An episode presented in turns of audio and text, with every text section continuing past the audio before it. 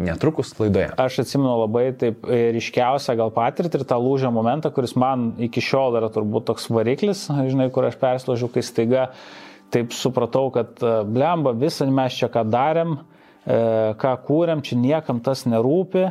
Ir, ir, ir, ir mes žinai, niekam ne, ne, nebeįdomu iš viską aš čia darau ir, ir, žinai, niekam nerūpi, niekam nerūpi.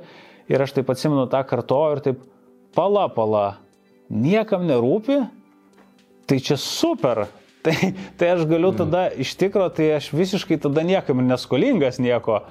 Ir man tada taip, a, va, aš atsimenu, net rodo šias aikštį, tas lūžis įvyko, aš kažkada vaikšnė ir galvoju, tai čia nerealu. Ir taip apsižvalgiau, supratau, kad aš čia tiesiog esu, kaip žmogus, va, kažkur einu ir aš niekam nieko neskolingas. E, aš galiu ką noriu daryti, vad nueiti kavinį, išgerti alaus ir e, niekam nerūpės. Yeah. Ir man toks buvo visiškas e, įsilaisvinimas.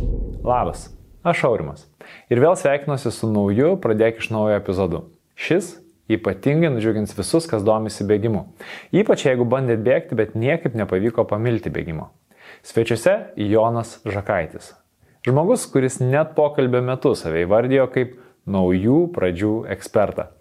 Baigęs politikos ir filosofijos mokslus, Jonas karjerą pradėjo kaip menininkas, galerininkas, parodų kuratorius, net verslininkas. Šis karjeros posūkis beje mane labiausiai nustebino. Netrukus sužinosi kodėl. Šiandien Jonas vienas geriausių Lietuvoje bėgimo trenerių, kineziterapeutas, bėgimo klubo Love Streams Running, vieniančio daugiau nei 200 bėgimo entuziastų bei profesionalų, įkūrėjas ir vienas iš vedlių. Naujausias jo projektas - vaikų bėgimo mokyklėlė Full Gas. Šiais dviem žodžiais galima apibūdinti ir paties Jono gyvenimą. Beje, tradiciškai mūsų draugams Contribui platformoje Blitz kvieniai su Jonu. Jo metu aptarim įvairias temas - dėkingumą, rutiną, produktivumą, motivaciją ir daugybę kitų. Contribui Jonas pasidalino ir jo gyvenimą pakeitusių knygų sąrašų. Remk pinlaidos kūrybinę grupę bent 3 eurais, gauk prieigą prie tik tau skirto turinio. Už 10 eurų ar daugiau žiūrėk seminarus pradedantiems iš naujo aktualiamis temomis ar net kas mėnesį gauk po nemokamą audio knygą. Aš esu Aurimas Mikalauskas ir čia laida Pradėk iš naujo.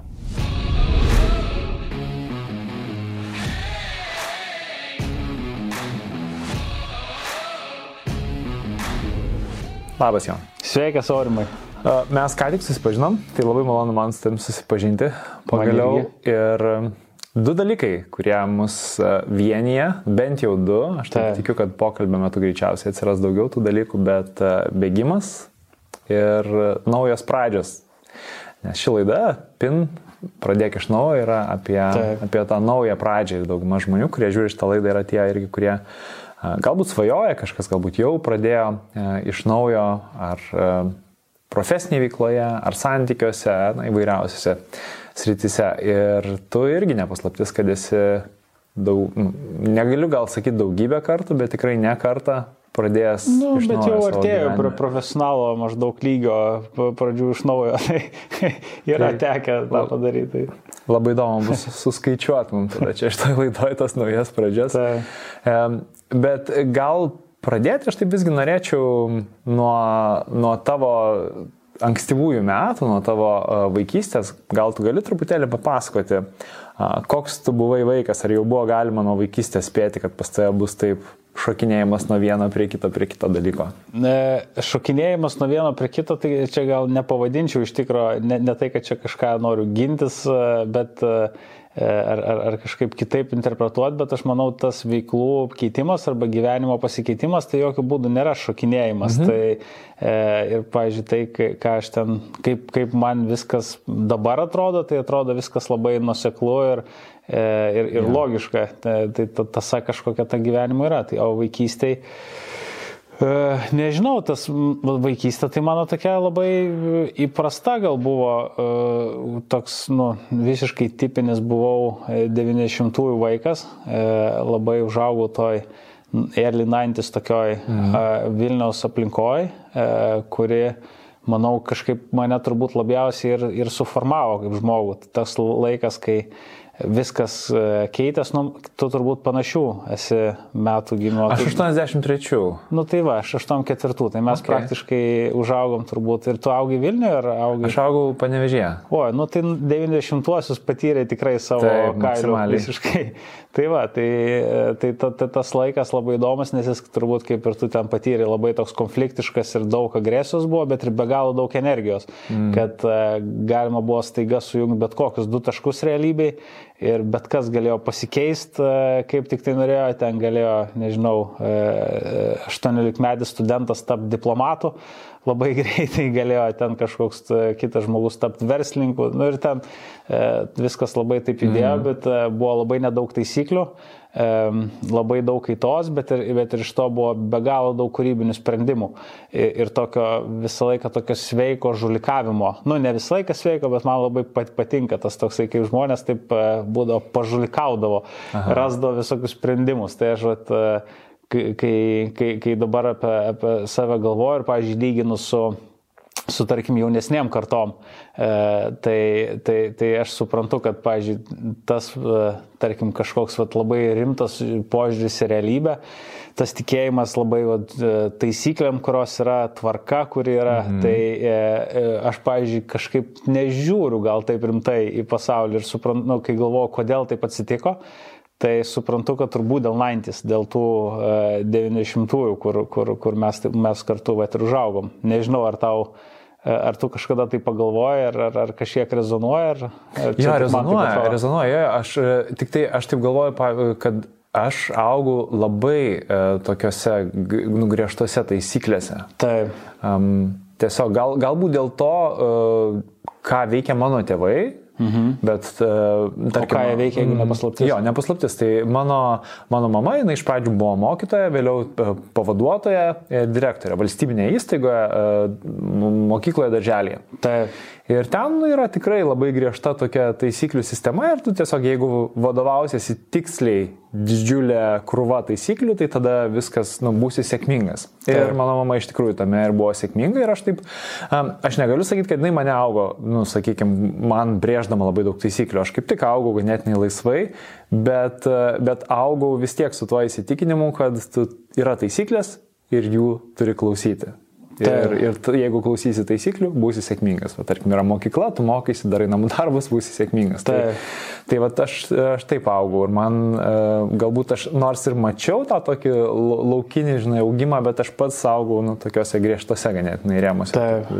Nu, va, tai tas labai įdomu, nes mano turbūt e, va, per kontrastą gal ir pasimato kažkokie įdomus e, skirtumai, nes mano aplinka visai kitokia buvo ir mano tėtis buvo tas tipinis 90-ųjų verslininkas, mm. e, kuris privatizavo įmonę kur okay. sugebėjo e, ten darydamas, nu, ten visiškai įdomius dylus, atsiveždamas, iš, gaudamas leidimą išvažiuoti į Ameriką, nusipirkdamas ten kažkokią krūvą faksų, kurių tuo metu labai reikėjo Maskvoje, sugebėjo jos labai gerą kainą parduoti Maskvoje, gavo statinį kapitalą, nusipirko įmonę ir tokie, ja. vat, e, tokie dalykai, kurie nu, tuo metu, aš manau, tikrai nemažai žmonių jos darė, pagyveno, bet tai buvo tas sukimasis, e, tas toks tikras, tikras 90-ųjų sukimasis.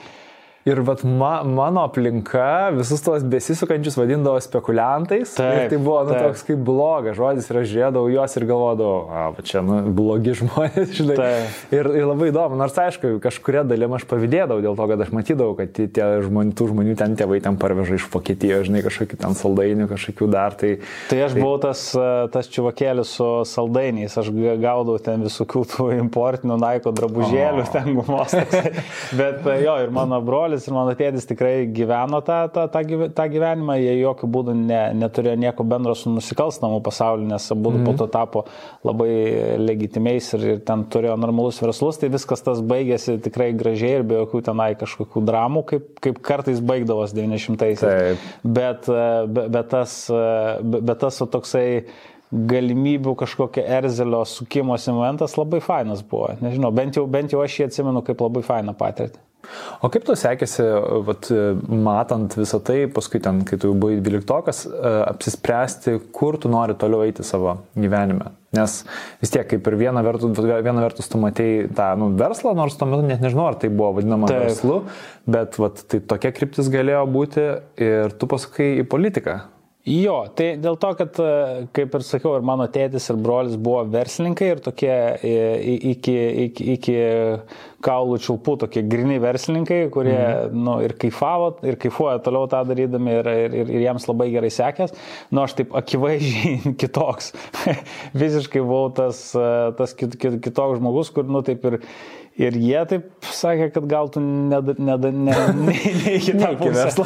Jo, gal tu ne iki verslą. Ir tas buvo akivaizdu, kad aš labiau buvau toksai knyginis vaikas, mm. e, ten maslus, mėgstantis ten skaityti, e, kažką krapštytis ten savo vaizduoti dalykėliuose, bet, bet tikrai nebuvau labai nei kažkoks iš pradžių labai komunikabilus, nei sugebantis ten kaž, kažkokius pradėti dalykus. Tai, Tai aš manau tada jo, šito ir turbūt ir pats savo tokį e, sup, supratau, ko, ko man geriau nedaryti ir, mhm. kad e, tas verslas tikrai ne mano sritis, o, o, o tada, e, tada šiaip visą paauglystę ir net nuo vėlyvos vaikystės aš labai domėjausi filosofiją. Nu, toks buvo kažkoks dalykas, kur aš ten gavau filosofijos e, atlasą ir jį ten skaitydavau laisvalaikiu ir e, kažk, ten labai anksti atradau kažkada Immanuelio Kanto grino proto kritiką, kurią aš su pieštuku susibraukęs buvau, kai man gal buvo kokių gal 15 metų, wow. kur aš nu, tikrai negalėjau net suprast dar gerai, net nebejoju, po to reikėjo studijų metu labai daug dirbti, kad suprastum tą knygą, bet aš jau kaip beždžionė jau ją vartydavau, kažką braukydavau, nes matyt labai man ten įdomu buvo. tai, tai, tai šitą, Tai jo, tai e, man, man tas buvo labai įdomu, bet, e, bet kaip ir turbūt dauguma dvyliktokų ten pradedi labai e, susireikšminęs galvoti apie tai, kaip čia reikės gyventi. Nu ir tada pradėjau ten ieškoti kažkokių tarpinių sprendimų, nu, kad būtų tai mhm. ir kažkaip susijęs su humanitariniais mokslais ir to, vat, visa, visom temom, kurios man įdomios būtų, bet, bet ir kažkaip būtų e, ūkiška.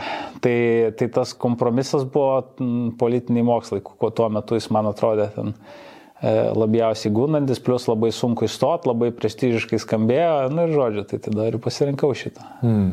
Tai, bet man atrodo, tai irgi visiškai klišinis toksai įėjimas, kurį turbūt dvyliktokai, e, daug dvyliktokų šitokią padaro e, klaidelę. Manai, kad tai klaida buvo? Jo, manau, kad, e, manau, kad klaida, kad, e, jo, nu kaip, vėl gyvenime tai ne klaida, nes, nu, tai tiesiog nuvedė kažkur kitur ir taip toliau, mm. bet, bet e, turbūt vis tiek tai tokie buvo keturi metai praleisti studentaujant ir galiausiai aš vis tiek per juos grįžau prie tos pačios filosofijos, nes e, nusupratau, kad čia tas e, toksai, pabandžiau porą metų apsimesti tuo vat, aktyvių politikos mokslų studentų, dalyvauti, organizuoti renginius, eiti, mm. supratau, kad čia visiškai ne man ir, ir, ir tas labai greitai baigėsi. Įdomu, aš kaip, kaip galvoju apie politiką ir, ir apie verslą, Ir, ir galbūt tai susijęs su tuo, kad aš ir pažįstu dalį ten tokių, sakykime, politikų. Man tai atrodo kaip netgi, e, žinai, va, tavo, pavyzdžiui, tėvai sakė, kad nu, verslas gal tu neiki verslą, o man kažkaip politika dažnai atrodo toks kaip, e, žinai, yra verslas ir yra dar politika. Toks tai. kaip sekantis žingsnis, nu, kur tarsi verslė tu žaidi šaškiam, o politikoje dar šachmatais ir ten tiesiog daug sudėtingesnės kombinacijos, nes tu turi pradėti nu, kaip ir savo ir, ir derinti ir viešą, ir privatų interesą, ir, taip. ir tokį dvigubą žaidimą žaisti. Mhm. Ir aš, nu, aš taip tikiu, kad yra daug dar galvojančių, kad ne, kad ten tikrai yra tik tai tas viešasis interesas, bet nu, manau, kad realybėje yra tikrai abu. Ir um, man įdomu, kaip tu tai matai ir ar tu tada jau irgi matei, jeigu su tuo sutinki, kad tai yra va, toks nu, dar sudėtingesnis žaidimas. E, geras klausimas, Aurim, aš manau, iš, kaip dabar aš mastau šiaip apie tokius dalykus, aš manau, šiaip visos tos veiklos labai panašios yra. Jo susiveda galiausiai į tokį bendravimą su žmonėm, daug tokio uh, kasdieninio dylinimo su, uh, su, su, su visokiais interesais, su Ko, ypač jeigu tai yra ten verslas arba politika, kas neišvengiamai traukia didelės grupės žmonių, mhm. e, tai ten tokių vat, interesų sužymėjimas, kompromiso radimas, išlaikymas kažkokio, kažkokio tam projekto nuseklumo. Iš tikro, man atrodo, kad tai nėra skirtinga visai. E, mhm. Kad, kad nu, tai e, turi gal skirtingą rūbą, skirtingą apvalkalą, bet, e, bet kaip iš tikro, kaip atrodo ta kasdienybė e, politiko ir verslininko, aš nemanau, kad jinai labai skirtinga. Okay. Apie filosofiją galim truputėlį pakalbėti, nes tu sakai, kad gan anksti atradai, kas, kas tau tai buvo, vat, kaip pasireiškė tavo gyvenime. Nu, minėjai, kad skaitai, aš, aš prisimenu vienintelį dalyką, kad aš 15 metų skaičiau Sofijos pasaulį, kai tu žinai šitą knygą skaitai, tai, uh, tai uh, Kantą, net minėjai. Jo, Kantą pradėjau. Ir įdomu, nes aš po to ir studijose prie jo vis grįždavau, tai toksai kažkoks buvo, e, buvo filosofas, kuris e, ilgai kažkaip lydėjo Tai... Kuo, kuo tave patraukė filosofija ir kaip, kaip, kaip tai vat, sekė galbūt tavo gyvenime? Jo, man gal taip irgi visą laiką įdomu, kas ir iki šiol liko, kad uh, užsiemant uh, bet kokią veiklą arba šiaip net gyvenant uh, ir, ir galvojant apie gyvenimą, ką aš va, tada pradėjau daryti paauglys, nu kaip ir daug paauglių turbūt ten kažkada susimasto, kas čia, kas čia mhm. vyksta. Tai man kažkaip labai, man labai tas patinka toks analitinis mąstymas ir prielaidų susidėliojimas. Kur čia, kokios to prielaidos, Aha. kaip, kaip, kaip, kaip čia sistema veikia, kokios, kokie priežastingumo ryšiai yra ir, ir šita, koks viso to tikslas. Nu, tokie man e, klausimai visą laiką labai kyla ir juos galima atsakyti turbūt daug būdų, bet man va, tas e, toks filosofijos analitinis mąstymas labai, e, labai anksti kažkaip pasirodė jo gera trajektorija. Tai va aš kažkaip turbūt, turbūt nuo to, visą laiką jo galvoti apie bet kokio dalyko prielaidas ir kaip įsiaiškinti, kaip pati struktūra veikia ir kokia sistema. Tai toks va, sisteminis mąstymas gal kažkoks jisai man... E, jisai man gal kažkaip taip natūraliai atėjo. Mhm. Ir tu prie man... filosofijos tada grįžai, ar ne? Nes tu pradėjai magistrantūrą studijavai. jo. Jo, buvo labai fainas toksai e, nu, turbūt iki šiol vienas nerealiausių prisiminimų ir, ir, ir tikrai ten visiškas langas į, į, į kažkokį naują gyvenimo etapą, tai buvo atviros visuomenės kolegija, kuri dabar jau jos seniai nebėra, bet iš tikrųjų toksai dalykas, kuris, nu, pro kurį praėjo dabar iki, iki šiol labai daug uh, aktyviai veikiančių žmonių, tai va ir Kristupas Abolius, ten Vilius Dranseika, Jekaterina Lavrinės, daug žmonių, kuriuos dabar aplinkui girdim, jie visi Aha. ėjo per atviros visuomenės kolegiją. Davidas Šlekys, o toks karo ekspertas dabar, kurį irgi daug. Okay.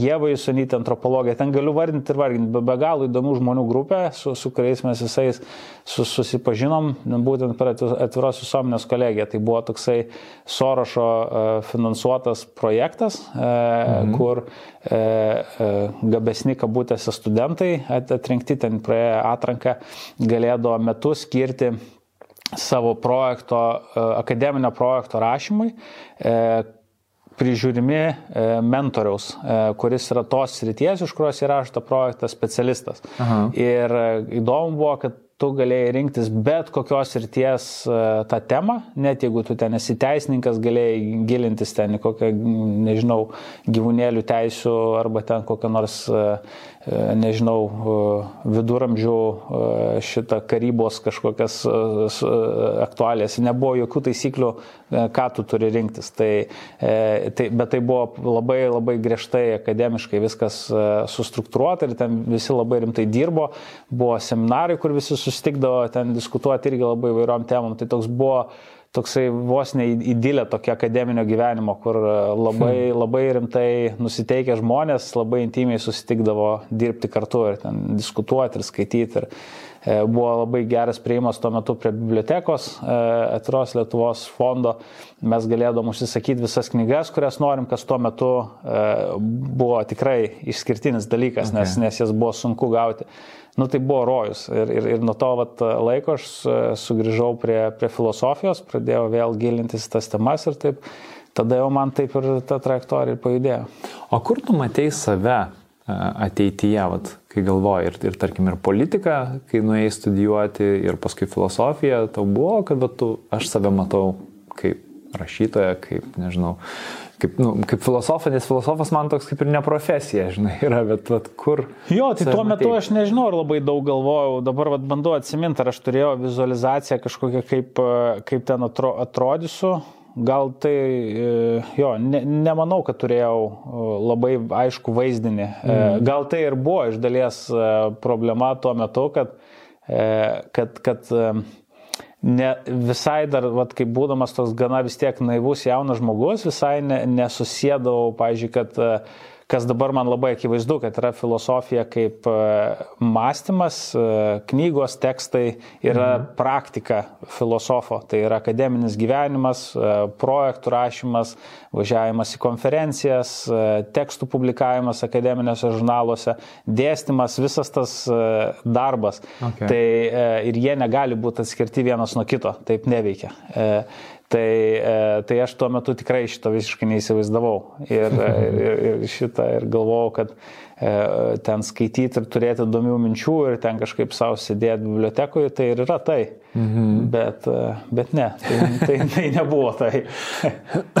tai kas tada įvyko po to, kai tu baigiai, tiesiog kaip, kaip, kaip susiklosti viskas po to, kai tu baigiai filosofiją? Jo, tai Tai kai baigiau magistratūrą, tai viskas baigės taip, kad e, jo, man teko padaryti pertrauką gyvenime, nes įstojau doktorantūrą, bet negavau stipendijos. Čia Essex universitete Anglijoje tuo metu mhm. Mm buvau vienas iš tų ten pirmųjų, kurie pradėjo uh, jau studijuoti Anglijoje dabar labai daug žmonių tą, tą daro, bet tuo metu tai ten buvo taip, viskas labai, labai nauja ir neaišku. Tai, e, tai va, tai stojau į, į negavau stipendijos, tada grįžau e, čia pabūt, nu ir va toksai gavos tarpas, nuo kurio visai po to nutempė į kitą pusę. O ką tu veikiai per tą tarpą? Mm, šiaip tai nieko. E, man atrodo, ten e, buvau pradėjęs senovės graikų kalbos mokytis. Tokia turėjau didelę knygą, vadovėlį ir va, man atrodo, čia yra labai Mes jau dabar su mano žmona aurime juokiamės, kad yra labai tipinis dalykas, kai jau, pavyzdžiui, draugai aplinkui turi tam, pavyzdžiui, tarpą gyvenime mhm. ir e, dažniausiai ką pradeda daryti, tai mokytis nuo jos kalbos. Tai, tai žinai, kad kai žmogus pradeda mokytis nuo jos kalbos, neturėdamas jokio reikalo konkretaus, mhm. tai tikėtina, kad jis yra gyvenimo kryškeliai. Tai man buvo visiškai taip. Šiaip labai įdomu man pasikalbėti apie tą pertrauką, nes e, anksčiau bent jau vat, mano laikais, ar ne, kai aš augau, tai būdavo baisiausias tai. dalykas. Ai, nu teisingai, mesgi to paties laikmečio esam. Visiškai. Tai tiesiog, nu, galvoti apie tą pertrauką buvo, nu, nieko siaubingiau. Tu tiesiog pabaigi mokyklą, iš karto turi stoti studijuoti, iš karto ten pastudijavai, pradėjai dirbti, nu, aš ten pradėjau dirbti daug anksčiau, kai dar mokyklai buvau, bet, bet tiesiog ir man toks buvo, nu, ai, tai aš ramus, nes aš turiu darbą, žinai, tą darbą įsivaizduoti, nu, neįmanoma. Ir, ir aš taip šiaip galvoju platesniam kontekste, bet pavyzdžiui, pavyzdžiui, e, žmonės, kurie irgi svajoja apie kažkokią tai naują pradžią, ne, nu, kad ten pradėti naują darbą, pakeisti specialybę, tai, nu, kaip ir viena iš galimybių, kurios tu neturėtum atmesti, yra, kad tau teks irgi pasidaryti, tarkim, pertrauką. Taip. Ir, ir man įdomu, kokia tavo patirtis iš to, ar tai toks dalykas, kurio tu bijojai, ar, ar tu labai lengvai tą priimi ir kaip dabar matai tą pertrauką? Mm, matau, jo, matau pertrauką, kad, e, kad tai labai sunkus ir kaip ir dažnai gyvenime būna sunkus ir geras dalykas vienu metu. Mm. Tai, tai, tai man būtent taip ir buvo. Uh, Jo, aš visiškai sutinku, tai mūsų kartoj, tai tas buvo toksai net nekeliamas klausimas. Tikrai buvo, atsimenu, kaip, kaip, kaip buvau dvyliktokas, tai buvo begalinis stresas, kad tu turi iškart iššokti į tą jau bevažiuojantį vagoną mhm. studijų mm. ir jeigu tik tai nuvažiuos tas traukinys, tai tu liksi praktiškai visiškai be nieko. Taip. E, Tai e, ir mums, mes ten tikrai tuo tikėjom ir buvo taip, e, nu, tokia ore, mhm. Taip, tikra, tikras stresas, kad aišku, nuvažiuos traukinys ir viskas tau šakės. tai, tai, tai E, tai dabar, dabar turbūt mažiau jau žmonės taip galvoja, bet aš nu, dabar, dabar e, ben, nemažai tenka bendrauti su e, e, tais e, ankstyv, kaip čia pas early 20s lietuviškai būtų ankstyvų 20, 20 mhm. kažkelni mečiais. e, tai kurie va, tik tai baigia mokyklą arba va, ten e, pradeda kažką daryti gyvenime. Tai Žinau ir kelis, kurie pasiemė tos gap year po, po, po, po, po mokslų pagalvot, bet uh, Iš tikrųjų, aš galvojau, kad kažkaip jie jau kitaip žies, bet ne, jauni žmonės, aš supratau, kad jie ir toliau kelia savo labai daug spaudimo tam mm. ankstyvam gyvenimo etape, kuris tikrai labai sunkus. Ir, jie, nu, ir, ir mums buvo sunkus, bet kažkuria prasme žiūriu, kad velnės gal jiems dar sunkesnis. E, nes, nes tikrai taip dabar labai rimtai žiūri į save žmonės ir į savo tuos sprendimus ir toks labai įdomus dabar Aš vis, vis galvoju apie tą tarpą ankstyvų, va, 20 kažkelių ten metų, kai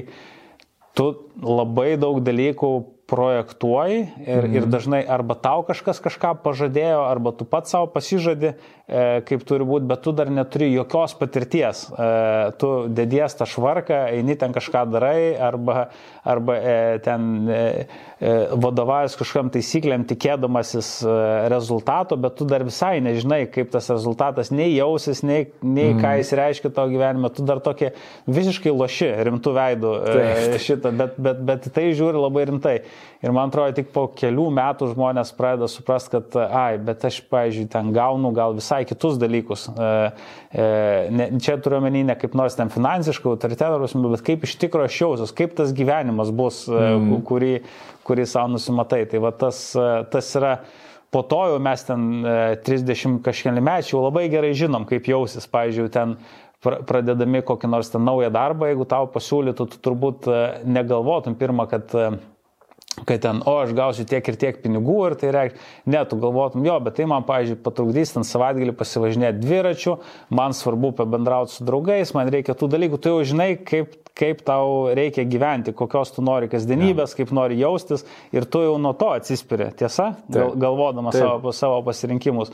Tuo tarpu, man atrodo, 20 mečiai visai netaip galvoja, jie ne, ne nuo tos pusės pradeda, jie negal, nes jie dar nežino, kaip jie nori jaustis arba kaip nori, kad jų kasdienybė, kaip draugų ratas, kad mhm. atrodytų. Mhm. Tai vat, ir man atrodo, iš to vat, nežinojimo ir labai labai tokio tikėjimuose kažko iš gyvenimo e, atsiranda daug įtampos. Nežinau, ar čia aš sutinku. Aš sutinku, taip, taip, taip. Ir aš manau, kad uh, turbūt vat, viena iš tų idėjų, kurią aš noriu žinešti su šitą laidą, yra, kad uh, kad tu gali keisti viską, nu ne viską, galbūt viską, bet didžiąją dalį dalykų savo gyvenime, kai tau, kai tau yra 30, kai tau yra 40, kai tau yra 50, kad mes nuolat galim ieškoti ir, ir turbūt bent jau e, aš kiek atradau ir literatūroje, ir, ir turbūt savo gyvenimo pavyzdžiui įstikinau, kad vienas iš tokių svarbesnių dalykų, ką savo gyvenime reikia na, nešiotis visą laiką su savim tą augimo mąstyseną. Tai yra, kad tiesiog suvokti, kad tu visada gali aukti ir iš tikrųjų nenustot tą daryti, nenustot mokytis naujos kalbos, nenustot mokytis įgūdžius kažkokius tai lavinti ir tada tu nepropulsi bet kada gyvenime ir tiesiog nu, pasiduoti tada tam, tam vedimui tokiam gyvenimo. Jo, sutinku. Mm, sutinku, kad e, gal ne visiems žmonėms tas toks augimas ar nuolatinė kaita mm, taip būtina, bet, bet aš manau, kad jo, tai geras, gera energija, kai, jeigu, jeigu jinai veda tave į priekį. Jo, aš sutinku, kad jinai nėra būtina, bet, bet vėlgi dabar įdomu, nu taip, žinai, stebint tai, kas vyksta pasaulyje, tiek tos kaitos vyksta, kad tai. jeigu tu prisiriši prie kažkokio savo fiksuoto vaidmens, tai, nu, tokį labai didžiulį stresą gali kelti vien iš to, kad tu matai, pasaulis keičiasi, o tu esi prisirišęs, kad, nu ne, aš pat jau būsiu toje savo vietoje ir supranti, kad ta vieta jau nebe tokia stabili, kaip anksčiau, taip. žinai, būdavo. Ir, ir... Čia įdomi mintis, taip, jo, čia sutinku su tavim, kad turbūt dabar, dabar pasaulis mus mokina tą, tą growth mindset, neprisirišimo. Neprisiriš, taip, nes, nes nėra prie ko ryštis. Ta... Taip, taip, taip, jau. Tas... Pats uostas plūdurė. Būtent labai labai tiksliai. Gerai, tai tada ką per tu tą pertrauką nuveikiai, grįžtant prie tavo istorijos? E, ta pertrauka. E, kai kalbų mokėsi. Jo, kai, kai, kai graikų kalbą pradėjau mokytis. Tai e, nieko aš tenai toks dar, dar buvau kaip e, toksai žalias, dar vis tiek, nu, toksai studentaujantis, man atrodo, toliau tęsiasi tas studentavimo etapas. E, ten daug skaičiau, daug kažkaip leidau laiką, bet taip, man atrodo, ten kaž, kažkokias galvojau toliau studijas, e, kaip tęsti Lietuvoje buvo planų mhm. ten.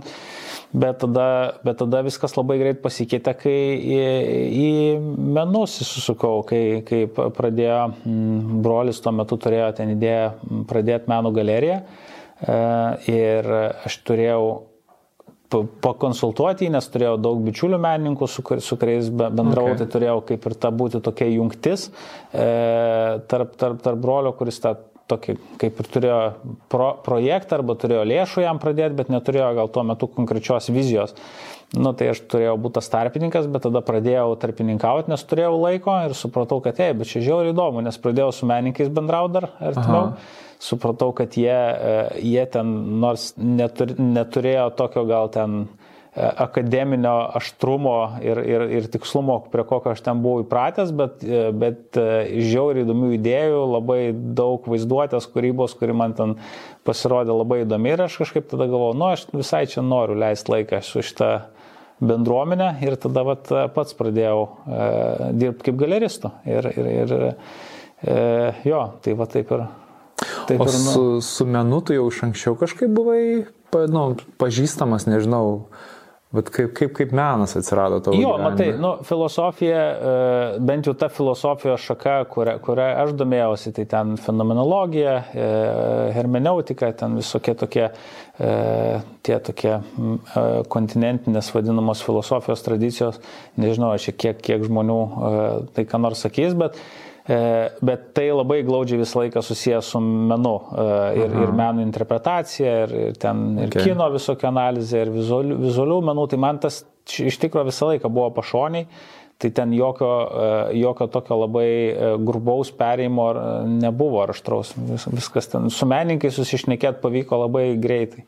Ok, tai tau čia tiesiog labai aiškus praktinis pritaikymas tų žinių atėjo. Ne? Nu, ne visai taip, nes aišku, galerija tai vis tiek įmetė tą ir verslo dalį, kur, nuo kurios aš ten bandžiau bėgti ir, ir organizacinė, ir, ir parodų visokių, ten ir mhm. kuravimo, ir, ir to vat, buvimo su žmonėm. Tai vis, visa, visa ta dalis, kurios aš taip e, gal vengiu arba net neįsivaizdavau, kaip, kaip ten su ja tvarkytis, tai buvau priverstas labai greitai mokytis. Nu, ir, ir tą pradėjau daryti.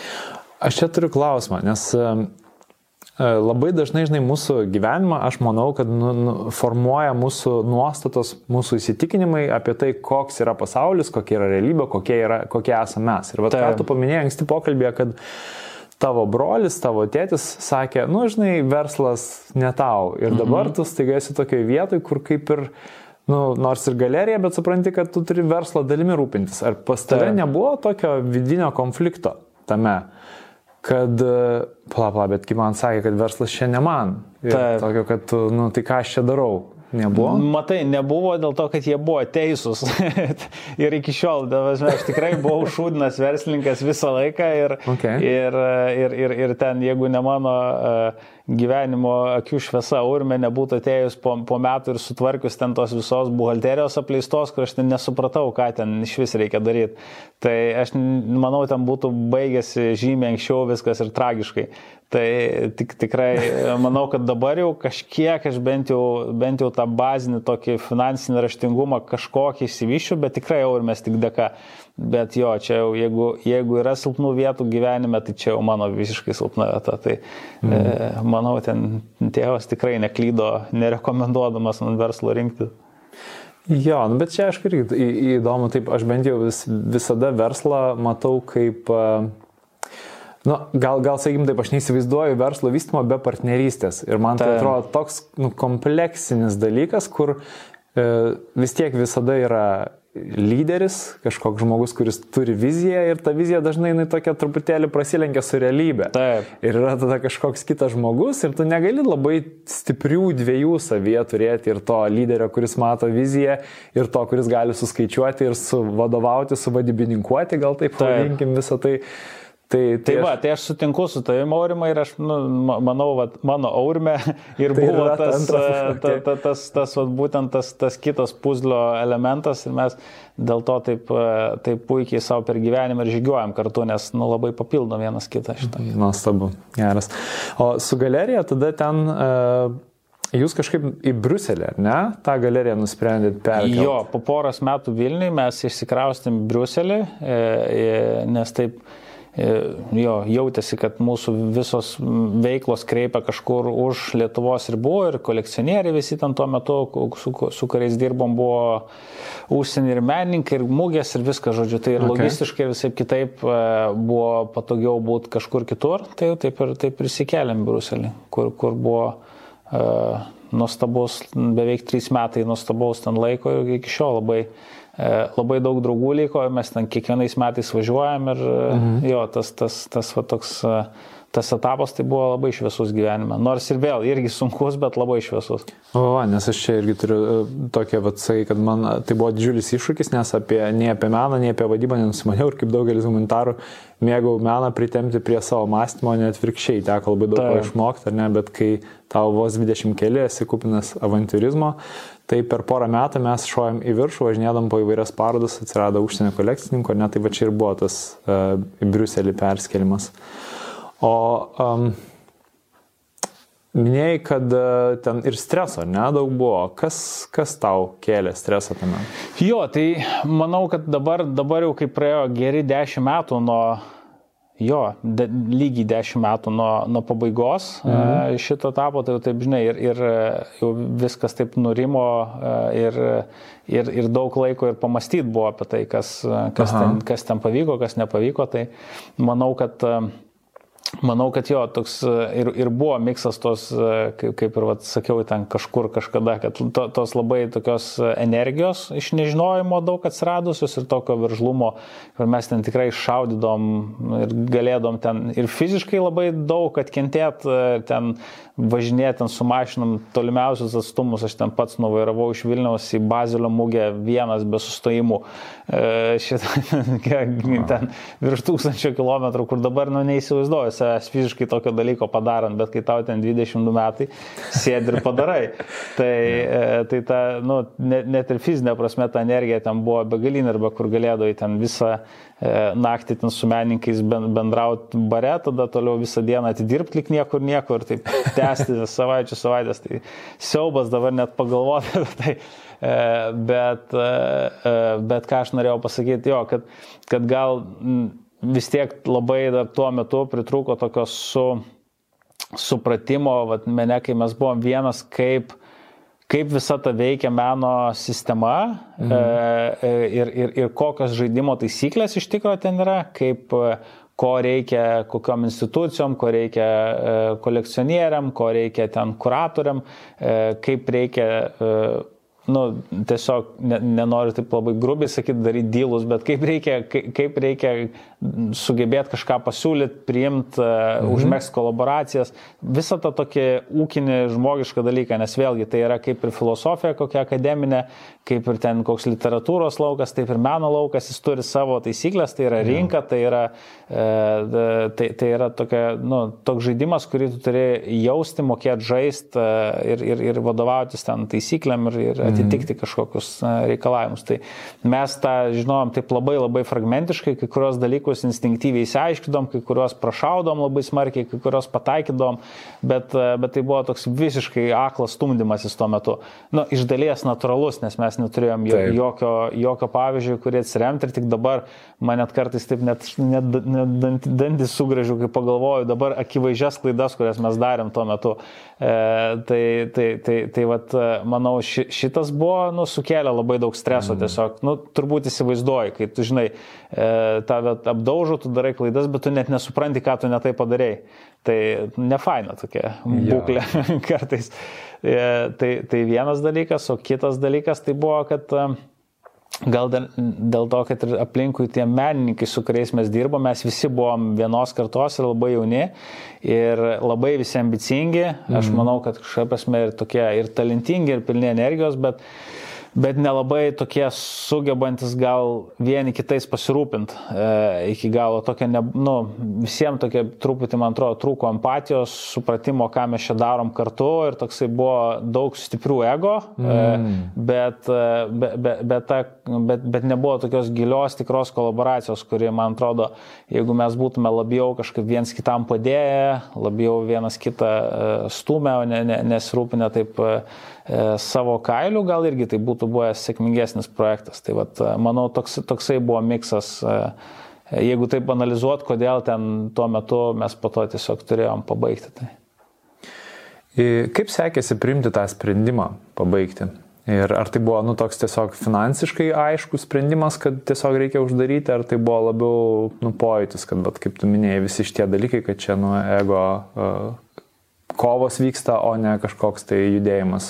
Jo, tai gal sprendimas buvo toksai, aš atsimenu puikiai tą, e, jau kaip saurime tos pokalbius, kai mes jau Bruselį būdami pradėjom, nes padarėm vieną, tokio, vieną turbūt didžiausių savo parodų, tokio meninko Paul Zietsimą, e, tokio didelio New Yorko meninko parodą, kur atsivežėme kūrinių ten iš Chelsea galerijos, Matthew Marks, kur, nu, tai jau buvo pirmi kūriniai, kurie buvo tie, kur viršijo 100 tūkstančių eurų sumą, tam mes tai tikrai jau buvo Aha. visiškai kito lygio e, e, rinkos meno prasmetas tas. Tai, e, tai prisilietėm prie tos jau jau tikrai didelių piktų galerijų rinkos, pamatėm, kaip ten viskas veikia ir taip po truputį pradėjo to, žinai, aiškė taisyklės, kaip viskas veikia e, ir, ir ko reikia norint dalyvauti tame ir, mhm. ir, ir, ir kaip, kaip reiktų mums, jeigu mes norim judėti prieki kaip galerija, nes nu, tu ne, negali stovėti vietoj, tu esi priverstas aukti, e, nu, nes meno rinka turi savo griežtas taisyklės ir progresiją, ja. e, ką tu turi daryti po ko.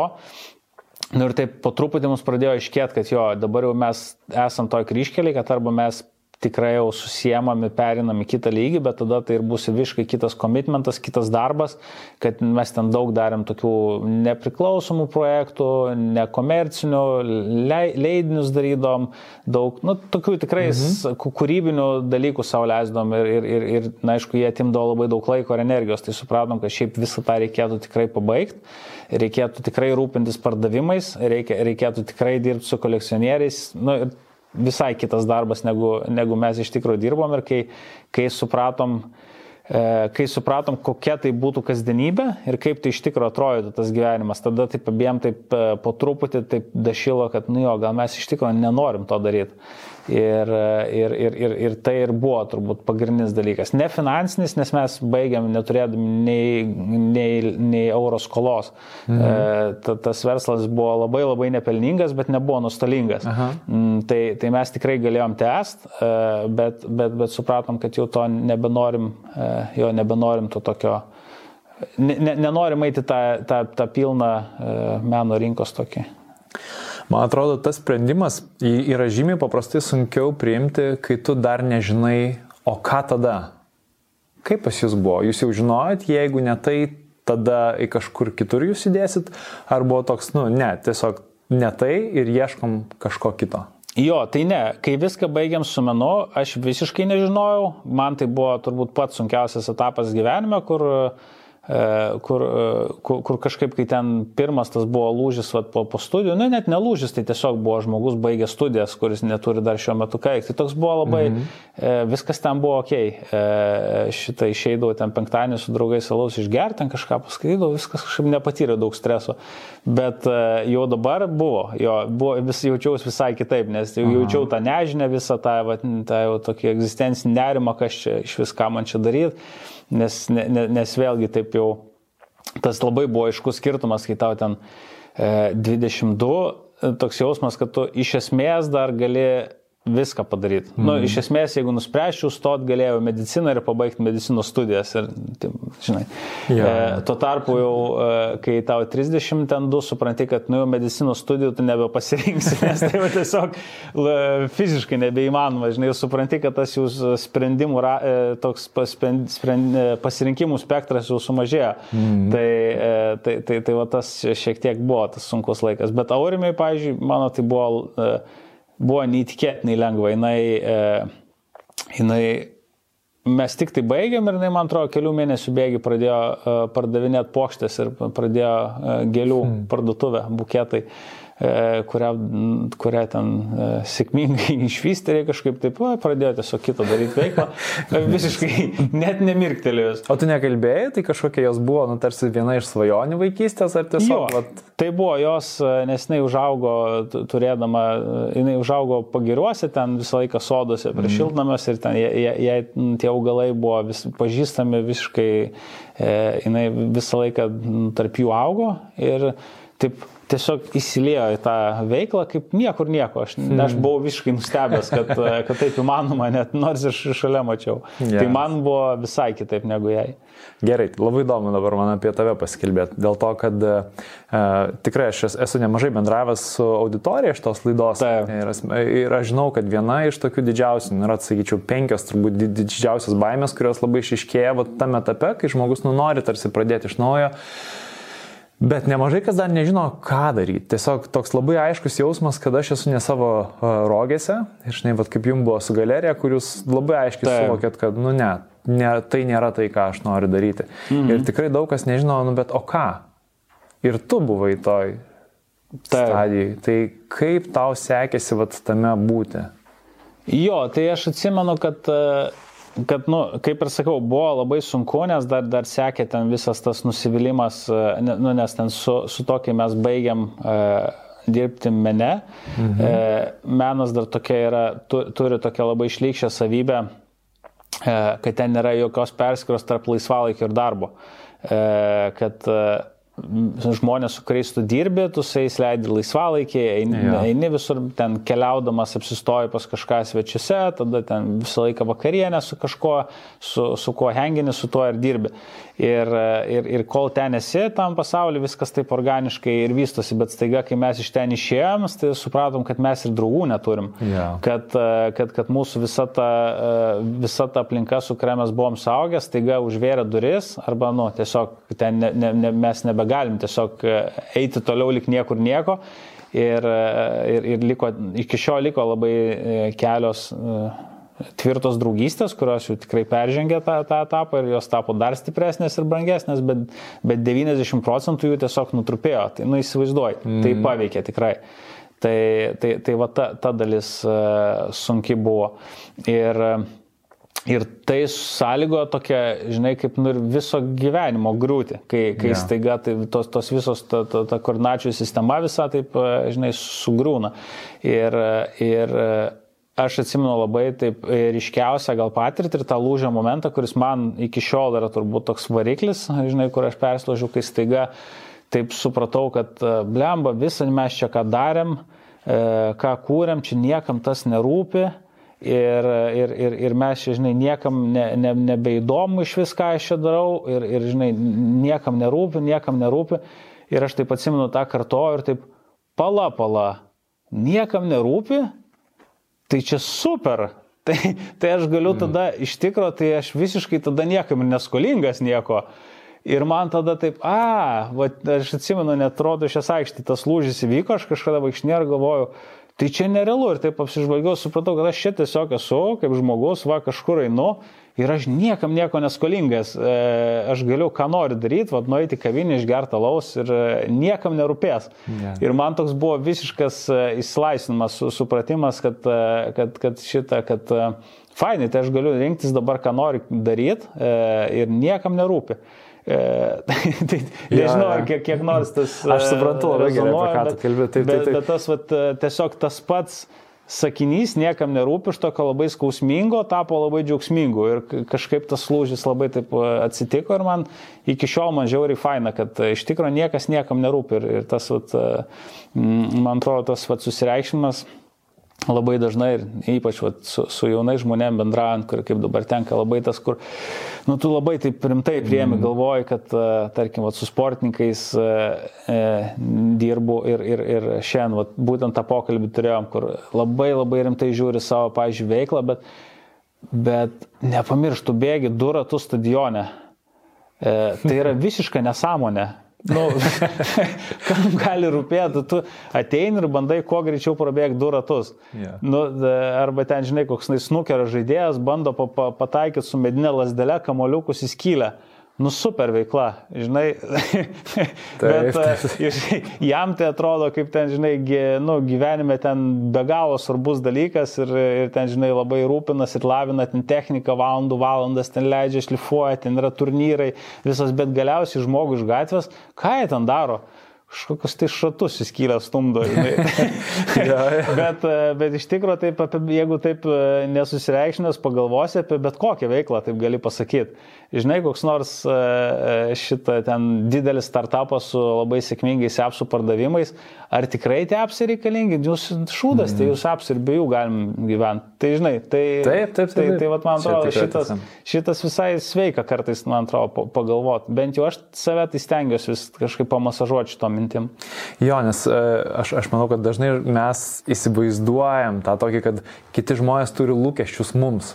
Vat. Kaip ir tu sakai, kad tu supratai, kad tu niekam nesiskolingas ir iš tikrųjų tai reiškia, kad, nu, tie lūkesčiai, kuriuos tu įsivaizdavai, kad, nu, vad, galbūt ten tavo tėtis ar neįsivaizdavo, kad, nu, tu tapsi tokiu žmogum, tu ten pabaigsi tą ir tada eisi ten. Taip tavo grupiokai, su kuriais tu studijavai, tai, nu, vat, kai tu pabaigsi ten, sakykim, filosofiją, tai tu ten nueisi ten ir ten. Ir tu ant save apstatai visais tais tokiais lūkesčiais ir tada nu, toks, sakai, nu koks aš esu nusivylimas ten visam pasauliu, nors iš tikrųjų tai realiai niekam.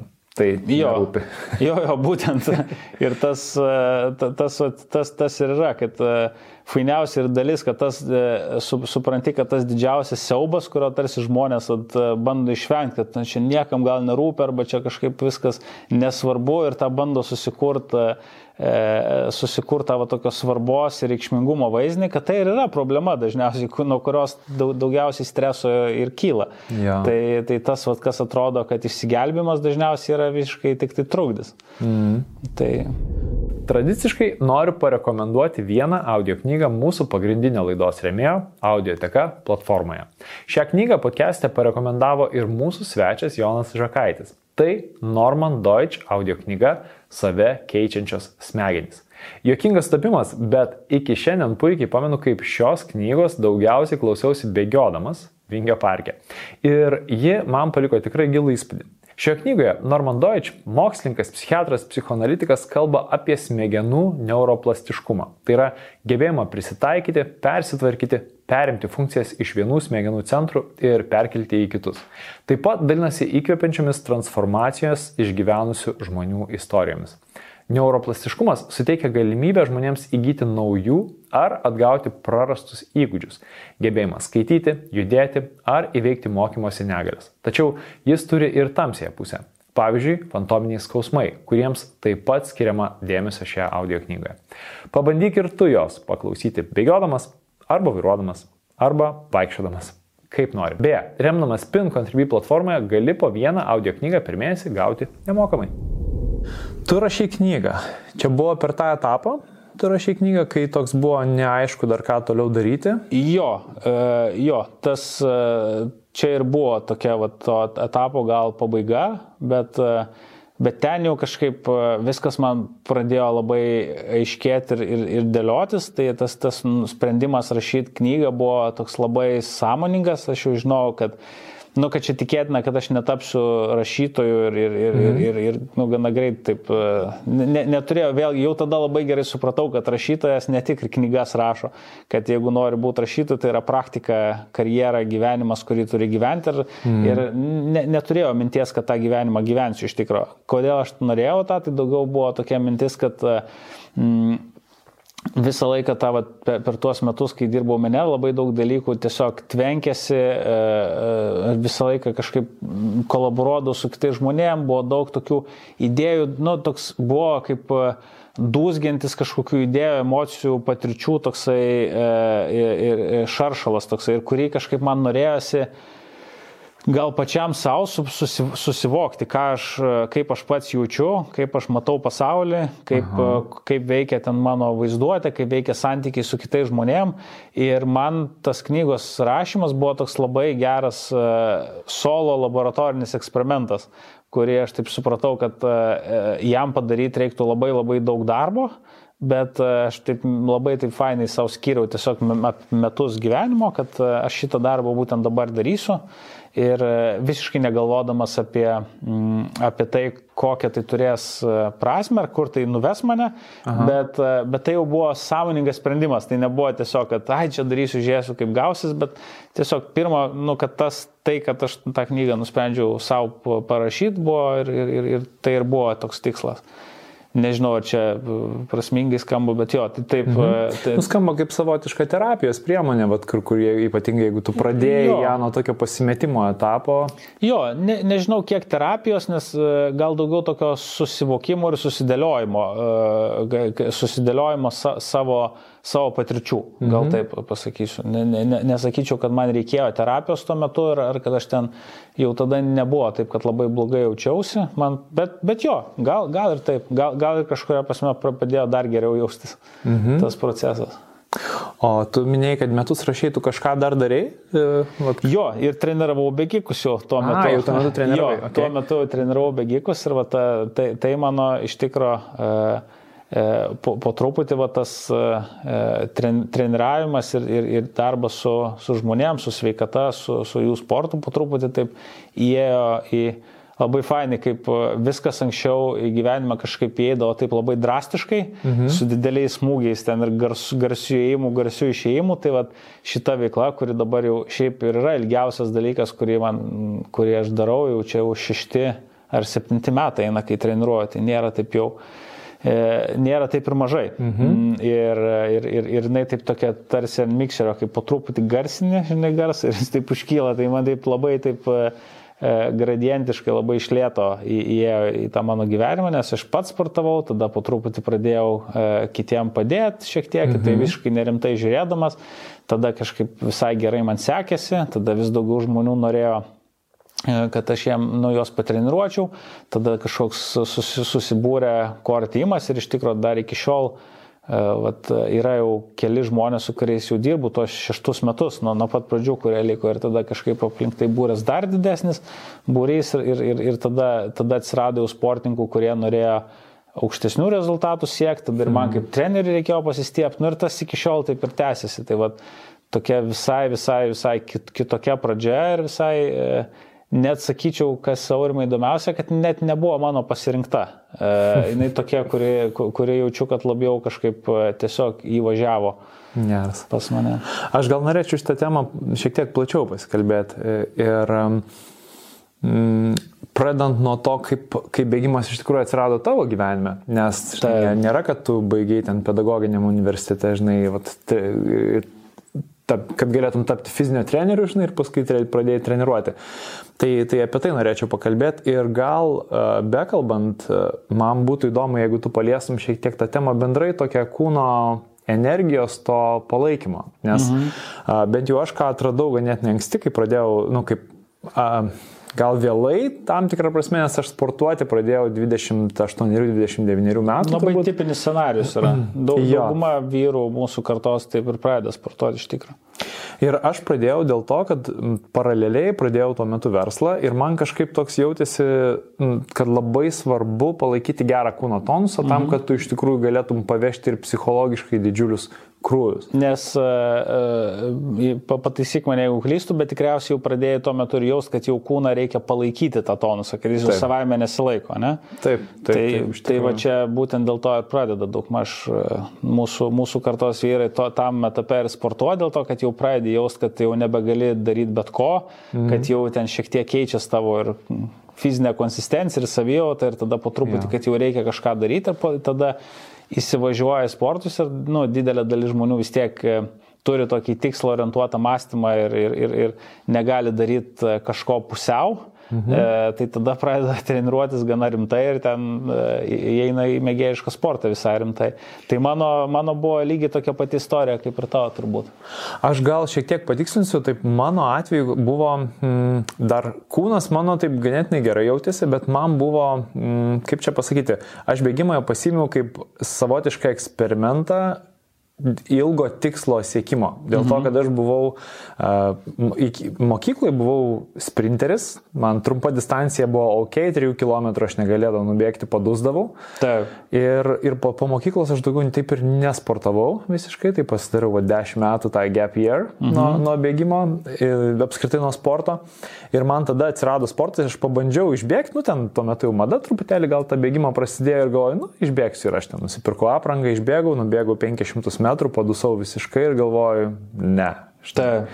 Bet kažkas viduje toks sako, ne, ne, nu, pažiūrėk, va čia maratonų žmonės nubėga. Nu tai pažiūrėkim ten, ar tu gali nubėgti maratoną. Mhm. Ir tada man toks išėjo, nu, savotiškas toks tikslas atsirado išbėgti maratoną, kurio beje aš sėkiau tris metus. Na, nu, aš taip neskubėdamas, nes paraliai ten daug dalykų vyko ir, ir man ten buvo, žinai, išbėgu 2 km ir daugiau negaliu, keliai. Taip.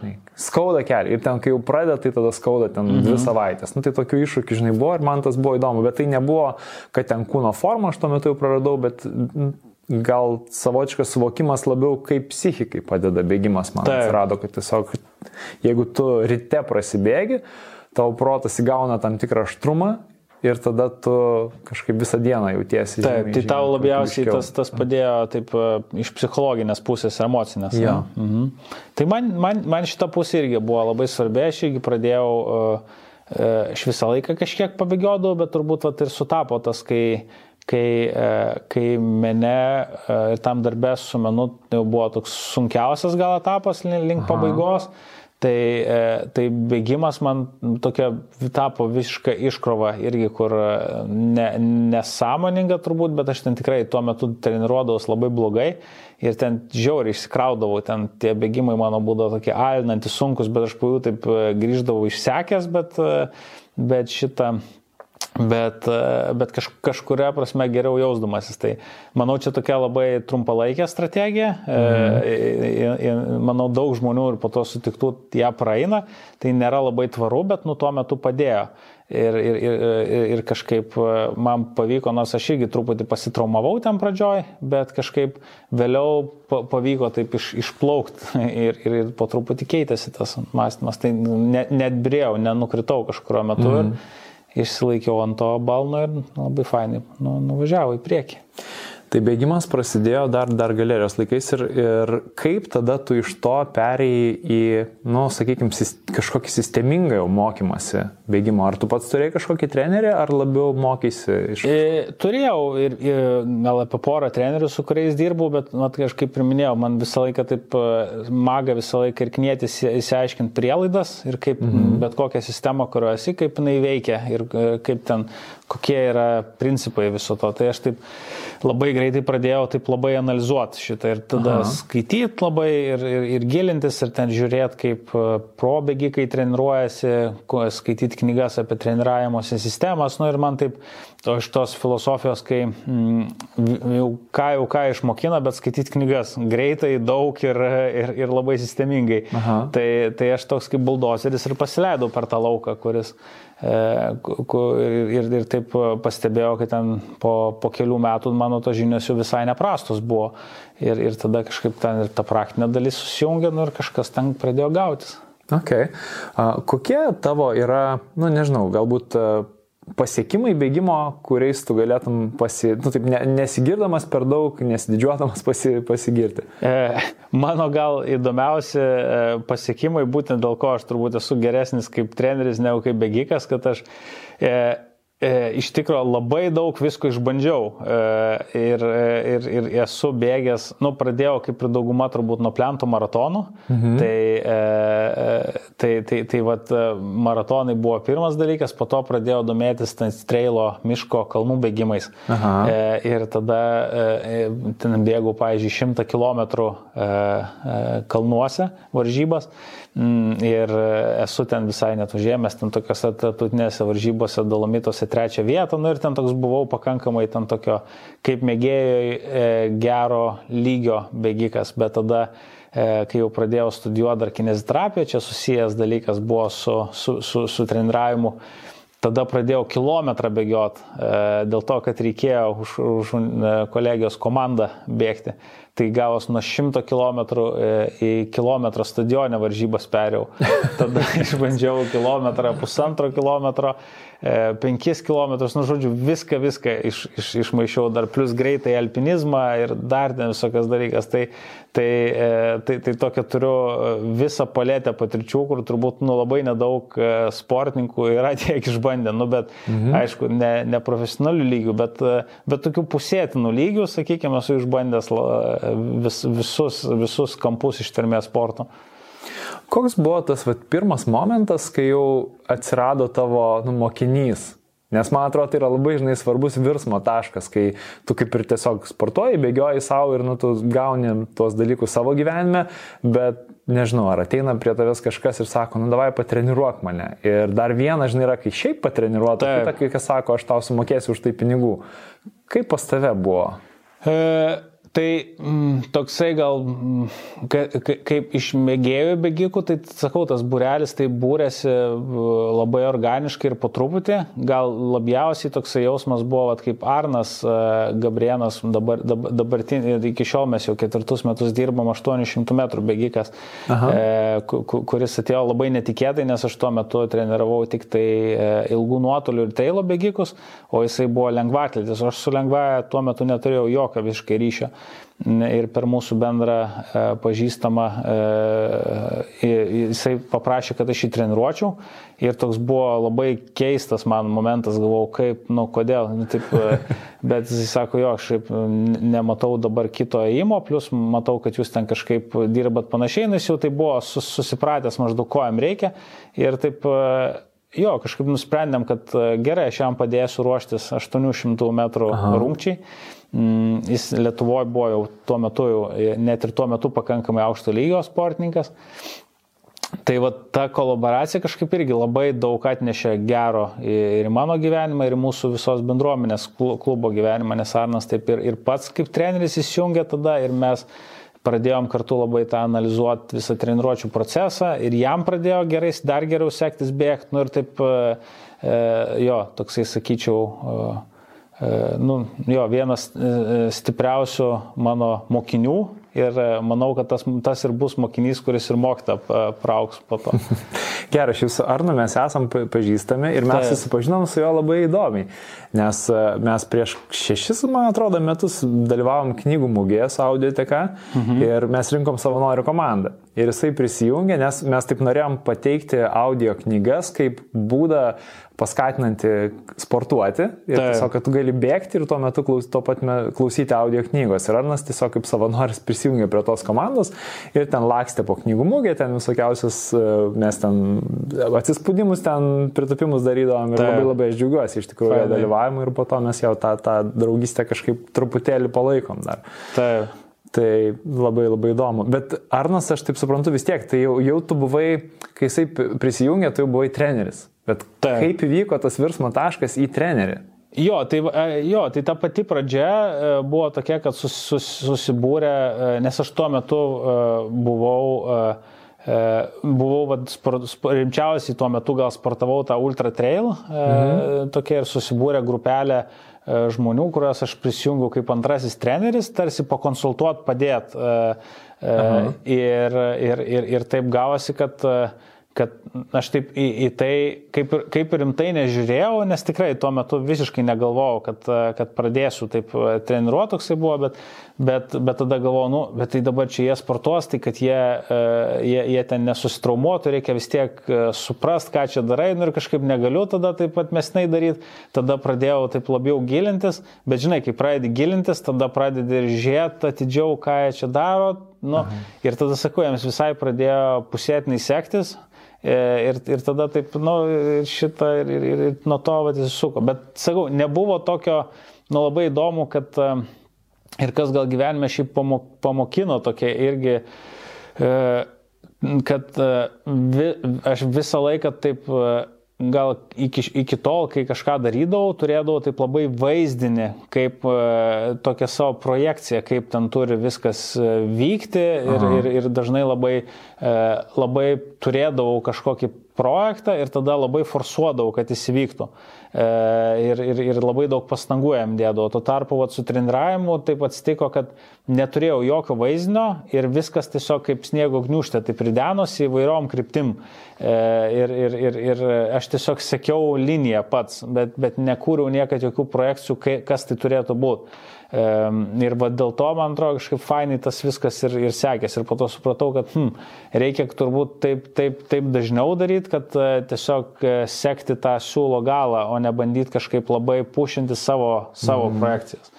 Nežinau, ar, ar suprantu. Jo, jo, aš suprantu, suprantu tas forsavimas ir uh, man toks kažkaip gal, aš tai tai vadinu, žinai, kartais tą vedimu, nu, tokį, kur tu tiesiog jauti, kur tave, kur tave natūraliai veda ir, ir, ir tada arba, nu, kiti sako, va, širdis man sako daryti tai. tai Nors protas, kaip ir ten, vat, jisai prisirišęs yra dažniausiai protas prie tų lūkesčių, žinai, apie kuriuos tu, Būtent. tu jau minėjai, kad tu turi būti toks, tu turi tapti tuo, tu turi tą padaryti, kitų įsivaizdavimus visus tos. Jo. Tai... Ir, vat, e, ir, ir vėl ten didelis mokytas e, tapo mano aurime e, su, su savo buketais, kur in, jinai taip labai radikaliai pakeitė ir irgi taip, nes tikrai buvo ir ją iš aplinkos tokių, žinai, ir iš tėvų ten atsimenu komentarai, kad kaip tu čia ir mokslus baigėjai, vadybos ir, ir galeriją čia turėjai ir staiga, e, staiga dabar, nu, targavoji e, kvietkom, žinai, kažkur yeah. parduotuviai. Tai toksai e, atrodo, vat, būtent įsikūnymas to tokio downgrade gyvenime, žinai, kaip pa, pa, nu, tai prastesnė versija gavai, yeah. ne, negu, negu čia buvo žadėta sutartį.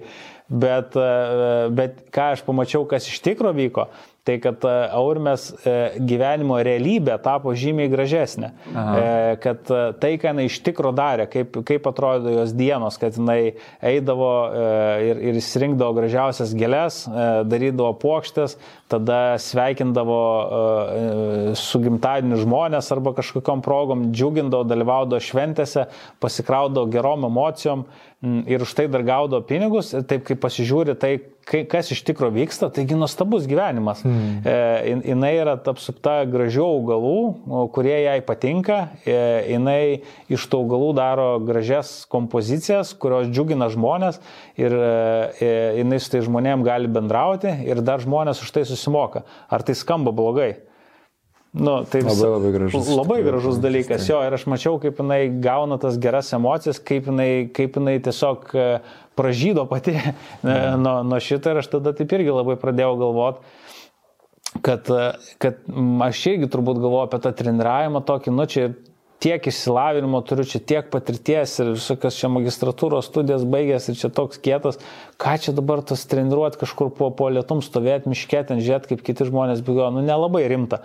Bet, e, bet čia va tas, tas iš išorės vaizdinys, bet pagalvoju, bet kaip aš jaučiuosi, tai yra neįtikėtina. Aš nu, turiu labai gražų santykį su žmonėm, kur galiu jiems padėti e, e, kažką tikrai pakeisti gyvenime labai pozityviai, kur galiu juos padaryti sveikesniais arba padėti jiems būti sveikesniais, mm. turėti labai labai gerų patirčių, nes aš matau, ką, ką ten įveiktos varžybos, ultramaratonai, pasiekti ten bėgimo tikslai, kiek jie duoda žmonėms jam daug ir to, to dalim būti yra neįtikėtina e, privilegija. Ir, ir, ir, ir kad, aišku, ir už tai aš gaunu dar ir atlygį. Ja. Ir e, nors turbūt, žinai, sutikčiau tą daryti ir nemokamai, nes tai taip faina, bet dar už tai žmonės ir susimoka.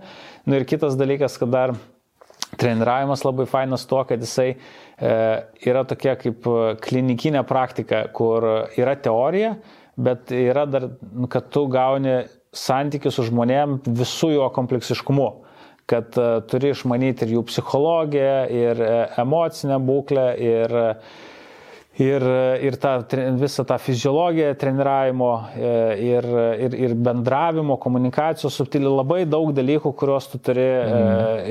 iš, išmanyti ir sugebėti juose naviguoti. Tai yra be galo, be galo kompleksiškas toksai iš tikrųjų laukas, kur, kur viskas įtakoja.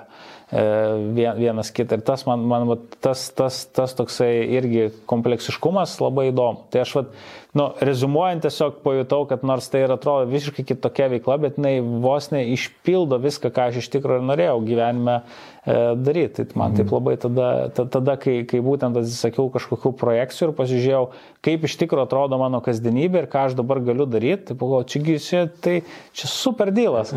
Geras. Aš atsimenu, kai pirmą kartą išgirdau uh, tavo bėgimo klubo pavadinimą, jūsų bėgimo klubo pavadinimą. Mūsų, taip. Aš taip galvoju, ką? Ar čia man pasigirdo? Nes jis toks labai labai keistas. Tai pasakyk, jo.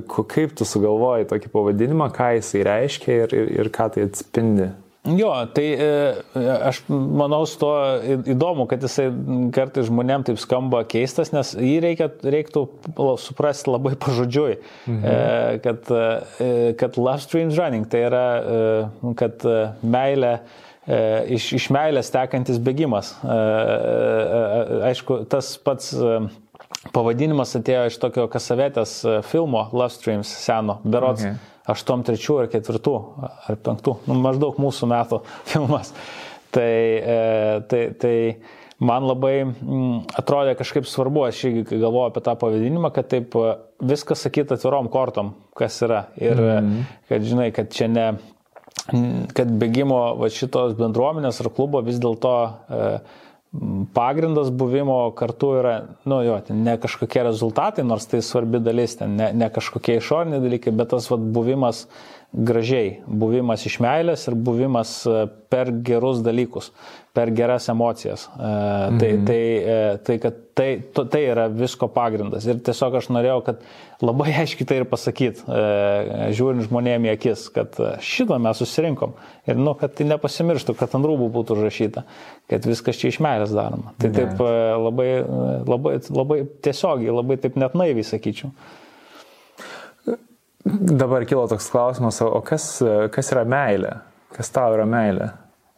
Jo, nu čia, čia dabar galim labai nukrypti tokias metafizinės temas, bet jo, man tai toks, e, man tai, to, nu, meilė tokia bendra e, energija, kai, kai tu E, kai tu kažkaip džiaugies buvimu pasauliu ir buvimu su, su kitais. Toksai, nežinau, gal, gal toksai net, e, jo, gal kažkas tokio labiau metafizinio, bet, e, bet kart, ne, tai yra ta dalis tokio, tokio ab, abstraktaus buvimo meilėje, mhm. bet kartu ir, kartu ir Ir labai konkretus dalykai, kaip mylėjimas aplinkinių, mylėjimas savo veiklos, mylėjimas savęs. E, su, nu, sugebėjimas mylėti mhm. šitos vat, visus išvardintus e, dalykus. Tai, tai, tai, vat, tai ir yra meilė. Jo, labai kažkaip, e, žinai, galvau, paklausiu tavęs apie tai, kokie žmonės renkasi tam klube, bet man kažkaip iš to tavo apibūdinimo jau labai susidarė iš tikrųjų aiškus vaizdas, žinai, kad nu, tai yra va, tie žmonės, kurie nu, viena vertus tokia, kaip ir jaučia stiprią empatiją, turi stiprų empatijos jausmą, kur labai stiprus vienas kito palaikymas ir aš kaip suprantu, Būtent. ten yra labai toks Tai yra ta bendruomenė tikrąją to žodžio prasme, tai yra kur tikrai žmonės vienas kitą palaiko, ne? Visiškai, jo. Mm. Ir tai yra tikrai, nu, sakyčiau, turbūt viena didžiausių dovanų mano gyvenime, kad, kad taip atsirado, nes tikrai e, dabar ta bendruomenė yra tokia didelė, stipri ir tikrai susiformavo ir tai tikrai, e, tikrai ne, ne, aš esu tik tai dalis to ir tas labai faina, kad aš jaučiuosi mm. tik, tik tai dalis kad, e, kad ten taip vienas po kitos suplaukė tokie neįtikėtini žmonės ir neįtikėtinos asmenybės, kurie kiekvieną savo supergalių atnešė ir pridėjo ir taip, e, ir tai yra, nu, manau, manau kaž, kažkiek, e, galbūt jo buvo duota gera pradžia, mhm. bet, bet, bet galiausiai labai pasisekė, kad, kad kažkaip visi tie žmonės suplaukė. Ir dabar Jo, dabar, dabar matos kiekvieną kartą, kai kažkokios vyksta varžybos ar kad kažkas susigalvoja ten didžiulį iššūkį, vad kaip, pavyzdžiui, Audrius mūsų e, bėgikas bėgo 12 valandų, Vingio parke turėjo tokį solo projektą, kur bėgo 12 valandų 2 km ratuką. Tai tas 12 valandų jis beveik visiškai nebėgo vienas. E, kiek, kiekvieną, oh, kiek, kiekvieną minutę vis kažkas iš klubo prisijungdavo su juo pabūt, su, pabendrauti, pašnekėti ir taip tikrai pasimatė per, per tai, kokia, nu, kokia tai stipri yra komanda. Hmm. Gerai, truputėlį išbėgant gal iš bėgimo, kineziterapija. Taip. Kaip ir mes ne visai išbėgsim, nes tai labai paraleliai einantis turbūt dalykas, bet kas yra kineziterapija? Mm, kineziterapija, tai, nu, e, jeigu taip vadovėliškai apibrėžti gydimas judesiu, e, tai mhm. reiškia ne, nefarmakologinis e, gydimas įvairiausių, dažniausiai kaulų, raumenų, ten sistemos pažeidimų, bet toli gražu dabar jau neapsiribuojant vien tuo. Taip. Mm, tai yra vat, praktiškai visas gydimas, kurį tu įsivaizduoji, daromas be vaistų ir operacijų, tai dabar pakliūna į kineziterapijos šio laikinės apibrėžimą ir kompetencijos ribas. Okay. Tai osteopatija, ten manualistai visokie, tai irgi yra kažkaip... Jo, tai susiję laukai, čia dabar galėtų ten daug e, akademinių kineziterapeutų turbūt ginčytų, sakytų, ne, osteopatai, tai jie ten apsišaukeliai, ten osteopatai sakytų, kad ten e, kineziterapeutai siauro, siauro pročiai, ten, tai čia tų, tų vidinių tokių, e, vidinių tų ten diskusijų yra, bet tai panašu, iš tikrųjų mm -hmm. tai, tai labai panašu. E, ir, ir, ir, ir kineziterapija iš osteopatijos ten daug ką labai pasiskolina ir gali pasiskolinti atvirkščiai. Mm. Tai, tai va, o, o, o, o Klausimas buvo, kodėl man. Kaip, kaip jinai apskritai atsirado tavo gyvenime?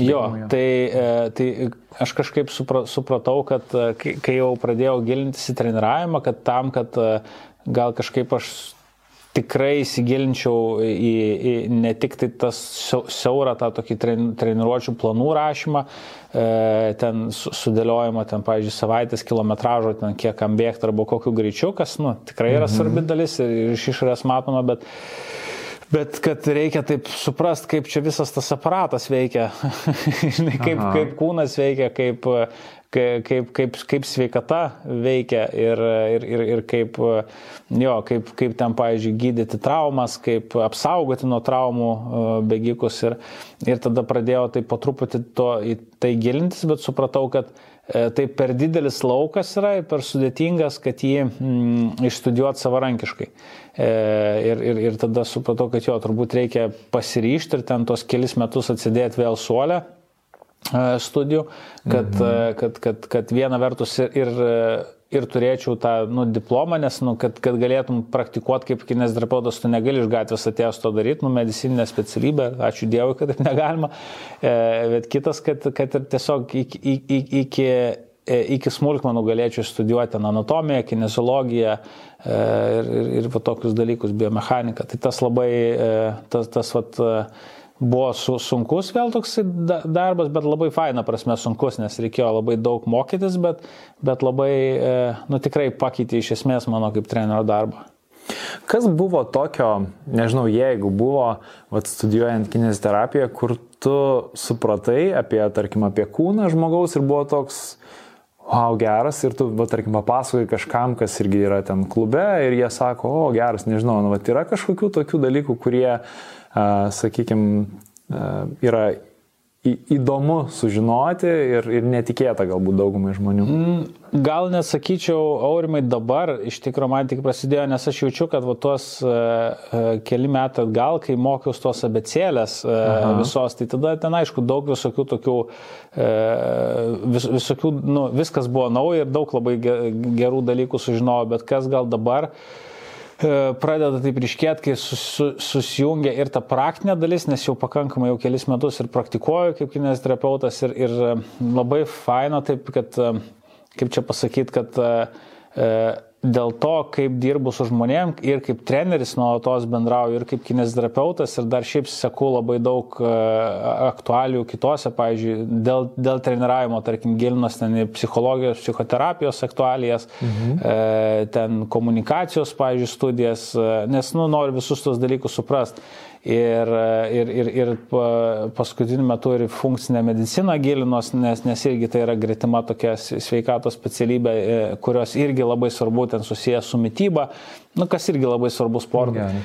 Ir per tuos dalykus man vat, pastaraisiais metais labai fainai pradėjo jungtis e, toks kažkoks bendras tas sveikatos ir, ir, ir kūno funkcionavimo ir visos, nu, jo, bet gal čia paprasčiausiai sakyti sveikatos supratimas, kad tai yra toksai, nu, sakykime, kad uh, kad ten koks nors e, streso, pažiūrėjau, atsakas e, yra visiškai viską apimantis. Tarkim, kad, e, kad, kad tai ten, tarkim, koks nors stresas gali veikti tai, kaip tavo kūnas naudoja angliavandenius, kaip tavo endokrininė sistema veikia hormonai, kaip, tu, kaip tavo kūnas reaguoja į fizinį krūvį, mm. taip pat kaip, kaip tu mastai, e, kaip, kaip tavo veikia e, e, emocinė būklė, kad, kad šitą, kaip ten gali, nežinau, koks nors pasikeitusi žarnyno mikroflora įtako tavo klajoklį nervą ir, ir, ir, ir, ir ten disbiozė žarnyno gali sukelti depresiją, būtent per tą klajoklį nervą, kaip, kaip depresija gali tave padaryti mažiau judriu, mažiau socialiai aktyviu ir tai vėl turės kažkokį, žinai, poveikį ir kaip, kaip va šitos nuo, nuo žarnyno mikrobiotos iki socialinio aktyvumo e, visos sistemos veikia kartu. Ir, ir, ir tai, tai, tai aš vieną vertus teoriškai pradedu daryti tas jungtis, bet ir kartu kiekvieną dieną praktikoje matau, tas labai įdomu, vat, kaip veikia ten neurotransmiteriai, koks nors dopaminas, pavyzdžiui, kaip jisai keliauja per visur ir, ir susijęs su, su, su, su daug, daug procesų kūne. Tai toksai vat, holistinis, holistinis mąstymas apie sveikatą, kas, kas man atrodo po truputį ateina nu, aš tikrai čia nesu kažkoks vienas, kuris tą pastebi, bet nes ateina tai vis labiau ir tokia kaip ir, ir, ir visų vaizduoti ir net, net, vis labiau net ir tą tradicinę mediciną ir mokslą. Mm. Kad vat, neseniai skaičiau, e, toks Čiūfuma yra mm, Stanfordo mokslininkas, nu, Stanfordo universiteto, kuris vienas prestižiškiausių E, universitetų ir pradėjo e, jisai trinėti apie tai, kaip tradicinė akupunktūra pėdų veikia imuninę sistemą ir rado ten neįtikėtinus ryšius, kad mes ten galim stimuliuodami e, akupunktūrą padą, nervų sistemą, kitaip tariant, mes galim įtakoti imuninės sistemos atsaką. Mm. Tai atrodo, nu, iš kur tokia jungtis, čia visiškai kažkokia babučių pasaka atrodo, žinai, yeah. kaip ezoterika. Jeigu tai nebūtų įrodyta Stanfordo, žinai, profesorius, Tai vat, tie dalykai po truputį taip e, jau, jau įsibėgėja ir vat, man atrodo, tai tokia labiausiai jaudinanti dabar. Tai net nesakyčiau, kad vienas rytis, bet toks gal kaip naujas mąstymas apie, apie sveikatą ir apie kūną, kuris po truputį įsigalėja. Geras. Na, jau dabar beklausant tavęs man jau užsinorėjo prisijungti prie jūsų. Tiesiog suprantant, žinai, kad iš tikrųjų tas holistinis vis tiek požiūris, jisai paskui, nu, vat, kaip persiduoda į visą tą bendrai viso to klubo filosofiją, visą gyvensiną, visą tą bendrą bendruomenę. Tai... Taip. Tai prašom, jūkis. gerai, gerai. Vienas iš, iš tokių naujausių projektų e, yra dabar Fulgaz akademija, ne? Čia Taip. skirta vaikams. Mhm. Kaip čia iš vis gimė tokia idėja ir čia, kaip suprantu, bet kokio amžiaus vaikai, negali? Jo, dabar net va, mūsų Rokas pradėjo jau nuo, nuo, nuo penkių metų e, su vaikų grupę rinkti, tai net labai mažiukus priemam. Tai e, jo, tai čia irgi mūsų, kaip ir sakyčiau, vienas iš tokių viena iš tokių pagrindinių mūsų klubo detalių, e, kurią vat, prieš, e, prieš mažiau nei metus pradėjom, bet toks labai ilgą laiką toksai visą laiką nu, toks jautėsi nu, kaip čia pasakyti, jautės tokia, kad yra problema su, su jaunų sportininkų ūkdymu Lietuvoje. Ir na, šiaip net, net, ir, net ir visai oficialiai pripažinta yra visokių ten teisinių dokumentų įrašytų, kad, nu, kad, kad, kad mes turim ir su treneriu įsilavinimu problemą, ir su ten, kaip, kaip tas jaunimas ūkdomas yra ir, ir, ir kokios yra, ko, kokios E, jo, kokie yra principai ir kokios ten sąlygos sudaromos, žodžiu, vis, mm. viskas yra taip gana įdinga.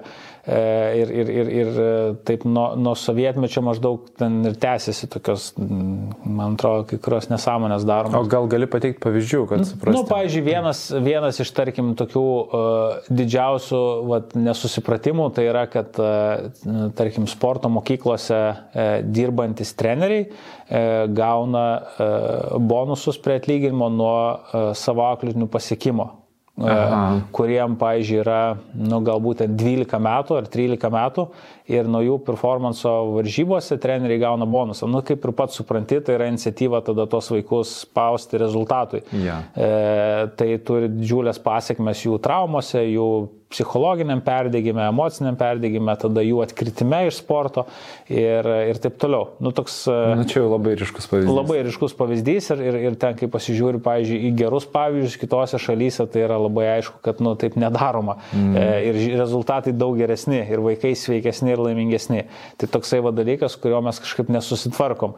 Ir, ir aš kai pradėjau dirbti vis labiau su e, su aukšto meistriškumo sportininkais, tai e, dėl to, kad pradėjau kaip ir gana gal vėlai ir dabar tie aukšto meistriškumo sportininkai pas mane ateina jau brandus tokie, jau, jau Aha. įsisportavę. Ir, ir net ir jiem patiem pradėjau matytis, kai mes susirinkom vat, ir pradėjom dirbti kažkaip e, ir kalbėtis ir nu, taip atvirai su, su, bandyti su, su, suprast, kaip, kaip tas aukšto meistriškumo sportas turi veikti, supratom, kad jie turi begalę traumų ir fizinių, ir emocinių, kurios, kurias jau atsineša ir kurias labai labai sunku dabar tvarkyti, nes, mm. e, nes ir beveik visi be išimties turi tų traumų. E, ir kai kurie tiesiog nu, fiziškai sulaužyti yra, ten tiek turėjo ten iki, iki ten 16 ar 17 metų ten stresinių lūžių, kad jau jie, nu, jiems jau sunku, sunku judėti. E, kiti jau ten taip perdegė emociškai yra arba suėsti to rezultato sėkimo, kad tiesiog nebekenčia to treniruočio proceso, nu, ir jį daro grinai per jėgą mm. ir kaip mhm. pats supranti, kaip per jėgą viską darai, nelabai darosi. Taip. Tai Tai vad, kai, kai, kai aš supratau, kad tikriausiai jeigu mes norim toliau plėtoti aukšto meistriškumo sportą, e, tai mus labiausiai ribos šito dalis, kad nu, mes tikrai neprasilaušim, mes galim kiek nori e, su pro sportininkais, kiek nori turėti geras metodikas, e, kiek, kiek nori stengtis, bet jeigu jie ateis jau su tom traumom, mes jau vis tiek būsim apriboti, mes nieko, ne, ne, ne, iš esmės jų nieko nepralaušim. Mhm. Tai e, ir, ir, ir, ir, ir tai va ir su mano kolega Martu Skrabuliu, kur sprinterių treneris yra e, geriausių Lietuvoje, tai va šitą labai suprasdami, kas, nu, kas iš, iš tikrųjų ir dabar riboja, bet ypač ribos už ten kokių penkių ar dešimt metų, supratom, kad nu arba mes tada įmamės šitą keisti, mhm. arba, arba, arba nu, tai tiesiog sėdėsim toliau ten, kur sėdim. Tai, e, tai, tai vat, nuo, nuo to ir gimė ta Full Gas Academy idėja, kad reikia, reikia patiems pasirūpinti to tokiu tikrai džiugiu, fainu, labai labai gerai informuotų vaikų sportų, kad, e, kad juos ir pagal kinesioterapijos principus, ir pagal gero treniravimo, to vadinamo e, LTAD ir Long Term Athlete Development principai tokie yra, kad ką pagal tam tikras amžiaus grupės, kaip vaikas vystosi fiziškai mhm. ir emociškai, koks turi jo būti sportas, kada jisai gali, pavyzdžiui, e, pradėti siekti rezultatų, kada jisai turi tik tai žaisti ir mėgautis. Šitie dalykai visi ištrinėti, jie yra pakankamai net ir akademiškai pagristi ir mes kažkaip norėjom tiesiog juos pritaikyti ir padaryti tokią gerą treniruočių vaikų tą sporto akademiją, kuri Svarbiausia, tai džiugintų visus, nes mes mm. suprantam, kad didžioji dalis tų vaikų tikrai netaps pro sportininkais, e, bet, bet, bet vat, tokia ir turim idėją, kad tie, kas taps pro sportininkais, ateitų jau su labai gerais pagrindais, o tie, kas netaps pro sportininkais, e, būtų, nu, turėtų gerą santykių su sportu, kaip ten dauguma, pavyzdžiui, vaikų su krepšiniu. Žinai, turi, kur mes visi ten turbūt ir tu kiemę pamėgdavai mm -hmm. kažį. Ir iki šiol ten esi tas lietuvės ekspertas, kur žino, kaip ten, yeah. kaip, kaip, kaip kažkiuką reikia žaisti ir jauties, kad čia tavo dalykas. Nu, ir vat, mm. tai, tai vat, su lengvaja lygiai toks pats santykis gali būti, nes e, daug e, daug sportininkų, kai pakalbini, vat, buvo vienas labai įdomus toksai e, su, su tokiu jau, e, jau vyresniu šiek tiek e, bėgiku, kur vienu metu buvo labai aukšto lygio, kalbėjomės ir sako, aš iki šiol jau jis e, rimtai profesionaliai nepasportuoja daug metų, sako, aš kai užeinu į manėžą ir pajuntu tą tartano kvapą, sako, mane pradeda fiziškai pykinti. Ja, ja. E, vat, tada supratau, blemba, vat, iki tokio lygio galima e, e, taip nusukeltas asociacijos, kad jos jau tiesiog tie atsiminimai ir visas tas ten skausmas, kankinimas, jis jau tiesiog įsirašo kūne. Ir, nu, ką galima blogiau padaryti savo sportui, negu va tokį negu tokius atsiminimus, žinai. Tai va šitą noris pakeisti. Hmm, geras. O kur galima sužinoti daugiau? Aš gal paprašysiu at kolegės, kad įdėtų į, į titrus tiesiog apie tai. tą Fulgas, kur, kur, kur, būriuojasi. E, tai Facebook'e galima, Fulgas Academy yra mūsų page'as ir, ir šitą ir e, dirba dabar ten jau uh, netgi trys, e, jau ir ketvirtas prisijungs puikus treneriai ir, ir, ir, ir, šita, ir ten yra grupių vairaus amžiaus vaikams, tai jeigu, jeigu kažkas tik tai susidomės gražių vaikų sportų ir norėtumėt e, pabandyti, tai tikrai ateikit. Super. O šiaip e, tai yra vis tiek e, miestuose kol kas tai yra tik Vilniui veikia, ar ne? Tik, kol kas tik Vilniui, taip. Bet yra kažkoks, nu, turi viziją tokią, kad, nu, gal faina būtų. Jo, nu, žinai, čia aurimai su tom vizijom, kaip... Aš suprantu, kaip nu, vis tiek, jo. E, kaip ką tik kalbėjome apie vizijų neturėjimą, žinai, ir kaip kartais gerai duot uh, sekti siūlą tą, žinai, tai aš turiu vilti, kad, kad, kad mes tą vat, savo, savo tą treniruočio metodiką, taip bendraudami gal ir su universitetais, ir, su, ir patys vis, vis kaupdami mm. tą patirtį, kad tikrai atšlifuosim labai gerą tokį treniruočio sistemos brandolį, kurį po to galėsim kažkaip skėlinti arba išvežti į kitus miestus, apmokinti trenerius.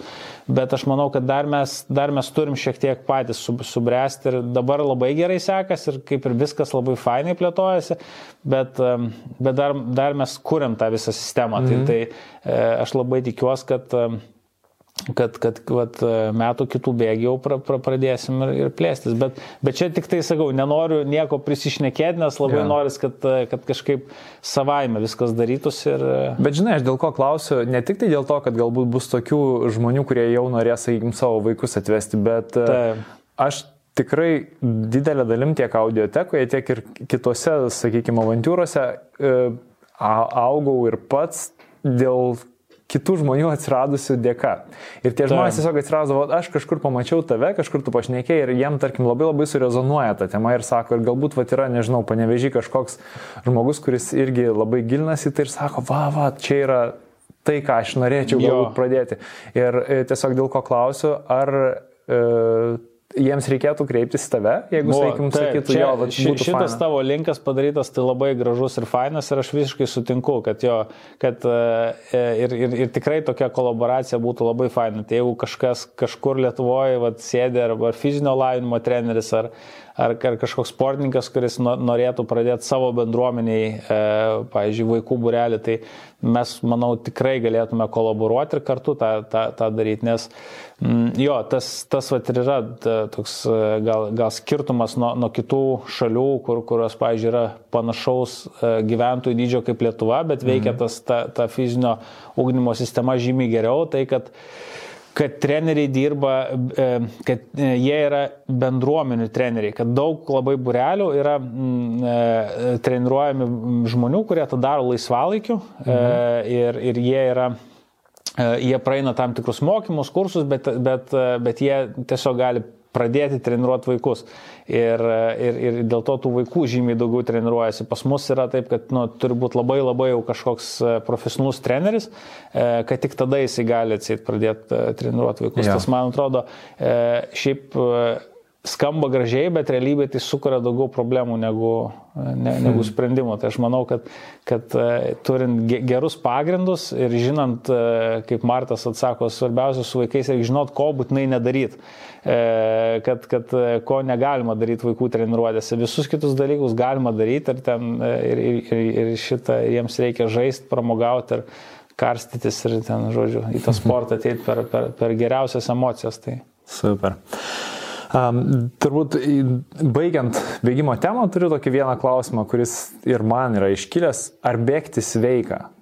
Ir kiek yra sveika ir kada jau yra nebe, jeigu yra kažkokia riba? Taip, e, tai taip, bėgti yra sveika, čia yra e, visapusiškai e, e, visapusiškai, tai sakyčiau, yra toksai kaip nu, organiškiausias, natūraliausias tas tokio e, aerobinio judėjimo būdas, ka, kuris turi nu, daugybę teigiamų, uh, teigiamų poveikio sveikatai. Turbūt net neįmanoma sugalvoti kažkokį neigiamą poveikį, kurį jis turėtų. Tik tai, tik tai neteisingas treniravimas jis gali turėti neigiamą poveikį, mhm. bet pats bėgimo judesys ir pačios bėgimo treniruotės jos turi vien teigiamus dalykus. Ir net, netgi visų tų dalykų, kurių ten žmonės dažnai bijo, e, ten, kad bėgimas kažkaip sanarius ten su, ja. su, su, sugadins, kad ten keliai arba nugara nuo to kenčia, tai yra tikrai e, netiesa ir mokslu e, ištirta net visai neseniai skaičiau, kad žmonių, tyrimas buvo padarytas žmonių, kurie jau turi kelių osteoartritą, tai yra jų kelio sanariai jau turi artrozės požymių, kad kad e, net ir tiem žmonėm bėgioti yra geriau negu nebėgioti. E, kad, kad e, okay. bėgiojimas turi teigiamą poveikį ir, ir, ir, ir gydantį poveikį. Tai visiškai prieštarauja tai tai, tai nu, babutės mąstysenai, kad, žinai, nebėgiok kelią, nes kelius sugadinsi. Tai, tai va, o, o, o kitas dar dalykas, kiek, kiek tai turi nu, naudos ten mitochondrių, va, tų lastelių, kurios uh, apdoroja deguonį ir kur, kurios iš tikrųjų kūrė energiją ir ten labai svarbios mūsų medžiagų apykaitai. Tai e, jų, jų kiekio didėjimui bėgimas turi didžiulę naudą, ten kiek, kiek tai turi ten nervų sistemai teigiamo stimulo, e, kaip, kaip tai veikia. Dabar labai nemažai tyrimų daroma ir apie tai, kaip, kaip sportas veikia E, emocinę būklę ir kad tai, mhm. pavyzdžiui, ten e, gydant kažkokius emocinius susirgymus kaip depresija, tai irgi yra visiškai e, vaistas, net neperkeltinė prasme, bet vis, medicinoje vis labiau tas atsiranda toks terminas movement as medicine.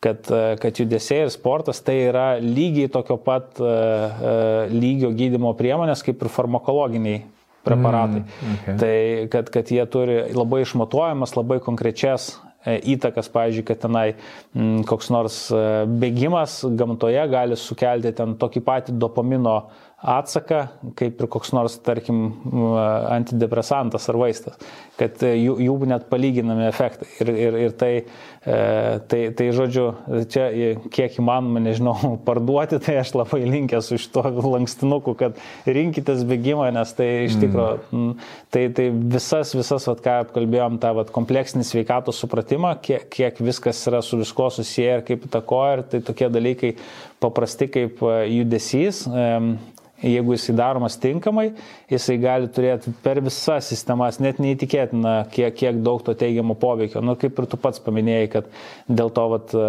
emocinio pagrindo arba psichologinės vat, būklės pradėjai bėgioti, mm. tai, tai, tai net, net intuityviai pasirinkai, kad kažkas čia gero, kažkas veikia. Ne? Yeah. Tai, tai va taip, e, tai, tai Žmogui, nu, dar vienas klausimas, kuris e, nesportuoja, ne, nebegioja šiuo metu, bet galbūt vat, po šitos laidos jūs sakys, nu gerai, noriu pabandyti. Ką tu rekomenduotum, nuo ko pradėti, kokius tos pirmosius žingsnius? Jo, tai e, pats pirmas e, žingsnis ir gal vienintelis, sakyčiau, per visą savo vat, patirtį pamačiau vienintelę klaidą, kurią galima padaryti pradžioj, nesigilinant visiškai ten, kas bus po to, arba ten nesigilinant jokio rezultato sėkimo, bet vien pradedant bėgiot, vienintelis dalykas, ką gali daryti blogai, tai yra bėgti per greitai. Mhm. E, viskas. E, ir dažniausiai, kas yra liūdnoji dalis, kad 99 procentai žmonių, kurie pradeda bėgti, bėga per greitai. Ir e, dėl to jie perstreniruoja, persitempia, e, gauna traumas ir emociškai pavarksta ir, ir galiausiai sako, kad bėgimas ne man. Mhm. Tai, tai, tai, yra, tai yra dėl to, bet m, sakyčiau, kad jo, kad svarbiausia įsivaizduot, kad, nu, kad e, daugumai žmonių, kurie tik pradeda, tas bėgimas, net jie įsivaizduoja, ten turbūt nužiūri olimpinėse žaidynėse, kai bėga e, Mofara 10 tūkstančių metrų ir įsivaizduoja, kad nu maždaug taip ir turėtų atrodyti šonu. Ir, ir tada, kai jų bėgimas visiškai neprimena to, jie taip nusimena, tai sako, ne, ne, bet tai čia tada nebėgimas. Bet dažniausiai, kai pradedi, tai taip, tai yra toksai e, vadinamas kaip e, joggingas, toks mm. ristelė bėgimas, koja už kojas labai ramiai, arba net jeigu ten šiek tiek jau daro sunkiau kvapuoti, netgi su ėjimo intarpais, kad vat, šiek tiek pabėgi, šiek tiek paini, tai tokį, pasakyčiau, principą, bėgimas, vat, pradedant, negali būti per lėtas. E, jis gali būti tik per greitas. Bet jeigu tu kojo iš kojos judi, kaip e, neseniai e, net pafilmavau video, mačiau Neries pakrantę du tokie jau garbaus amžiaus vyrukai, ten gal 70 mečiai tokie e, vyrukai, vienas jų eina, o kitas šalia risnoja ir tokiu pačiu greičiu. Ir aš taip į tą e, risnuotą pažiūrėjau, bet sakau, jis tikrai yra toj pirmoji zonai, reikiamoj toj e, lengvo bėgimo zonai. Ir, ir e, labai labai teigiamai pasižiūrėjau, tai galvoju, jisai tikrai daro viską teisingai, o mm. draugas šalia eina irgi gerai. tai, tai, tai va čia, jo, pirma ir, ir, ir svarbiausia taisyklė tai yra šitas, nebėgti per greitai. Mm, ir viskas bus gerai. Tas, jeigu taip konkrečiau, sukonkretinti šiek tiek, ką mhm. tai reiškia, tai jeigu e, pagal, pagal pavyzdžiui, dažnai mes vadovavomės treniruodamės į tą RP, Rate of Perceived Exertion, tai yra ta skalė pastangos nuo 1 iki 10, kur tu vat, sportuoji, svertini, kiek man 10 tai yra jau kraujas iš nosies nebegaliu, e, vienas tai yra ten, nu, nieko neveikiu, šis longo. Tai, tai vat, e, kaip toj skaliai e, įvertini savo pastangą. Tai tas lengvas bėgimas neturėtų viršti 3 Okay. E, tai, nu, įsivaizduojate, tai toks mm -hmm. visiškai galėčiau visą dieną daryti. Tai jeigu jau jauti, kad jau ten, jau tai yra kokie 7-8, jau per greit.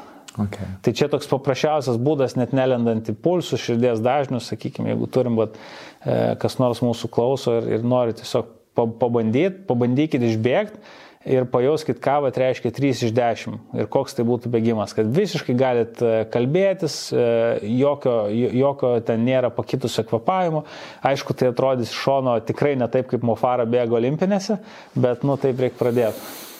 Aš tikrai galiu pritarti ir, ir aš prisimenu vat, apie tą savo kelionę į bėgimą. Tai aš retai kam tai pasakoju, bet iš tikrųjų, kai aš pradėjau bėgioti ir minėjau, kad pabandžiau nubėgti ten 500 metrų ir padusau visiškai, Taip. E, tai ką aš dariau, aš pradėjau vaikščioti. Aš iš tikrųjų pirmus Super. turbūt tris mėnesius aš net nebėgau, aš mhm. tiesiog išeidau, nes man uh, reikėjo tos disciplinos, atsikeliu 5, ten 5.30 išeinu iš namų, pradedu užsileidžiu audio knygą, pradedu klausyti ir aš tiesiog, supratau, kad negaliu dar bėgti, aš pradėjau vaikščioti ir paskui, bet apsirengdavau bėgimo aprangą, Taip. kad jeigu ką, biški ir pabėgsiu, bet iš tikrųjų mažai dar pabėgdavau, bet taip pamažu, pamažu, pamažu to vis bėgimo atsirado ir galiausiai jau tai pradėjo man e, ir patikti ir turbūt tai buvo vienas iš tų dalykų, dėl ko aš iš tikrųjų galiausiai pradėjau bėgti ir nubėgau ir, ir, ir maratoną. Jo, tai tu tiesiog e, trenerio svajonėsi, tu pradėjai būtent taip, kaip reikia ir, ir, ir, ir tikrai e, faina, kad, nes, sakau, dažnai būna žmonėms labai tokios ego problemos, kaip mm. čia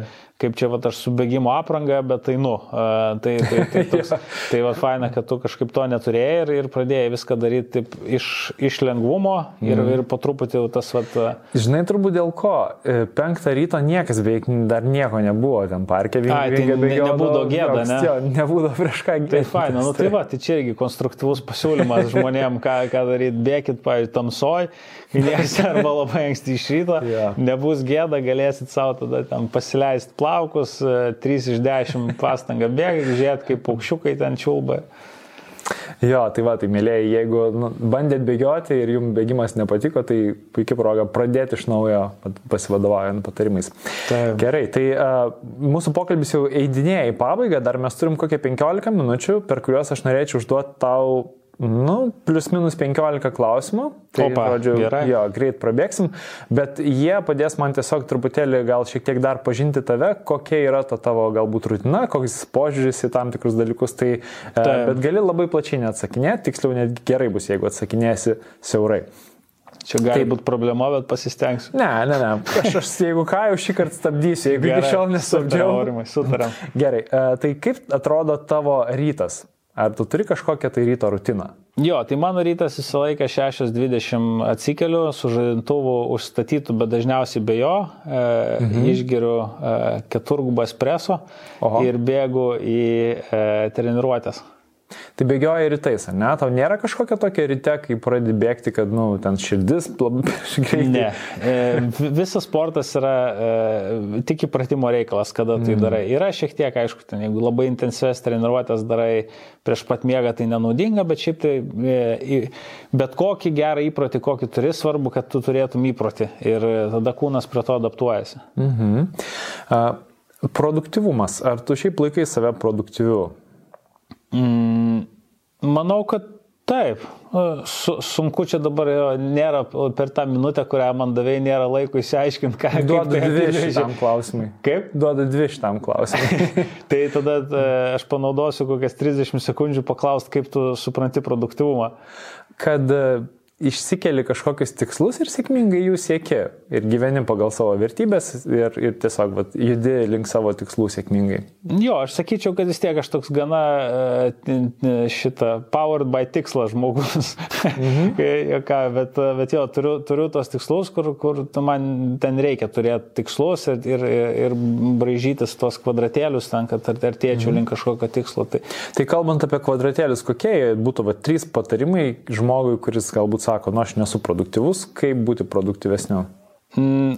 Gal svarbiausias, sakyčiau, mano bent patarimas tai e, susiplanuoti, e, susiplanuoti viską raštiškai kad e, labai, e, labai gerai veikia tai, kad kai susirašai e, dienos darbus, kai susirašai tam tikro etapo didžiosius darbus ir kai tada e, pasirašai jų hierarchiją. Tas man bent jau labai padeda, Aha. kad, e, nes, nes yra ne tik tai darbai, bet reikia labai suprasti, kurie yra svarbiausi, kuriuos reikia atakuoti greit ir dabar ir kurie yra tokie, kurie, na, nu, kažkaip ten gal įsispręs arba juos tai reikia tiesiog kada spėsi padaryti. Mhm. Tai vad, e, kai, kai, kai, kai, kai taip e, kai aš tai pradėjau vat, viską labai rašytis ir ypač sunkiausiose situacijose, kai atrodo visko labai daug ir labai pasimeti, ja.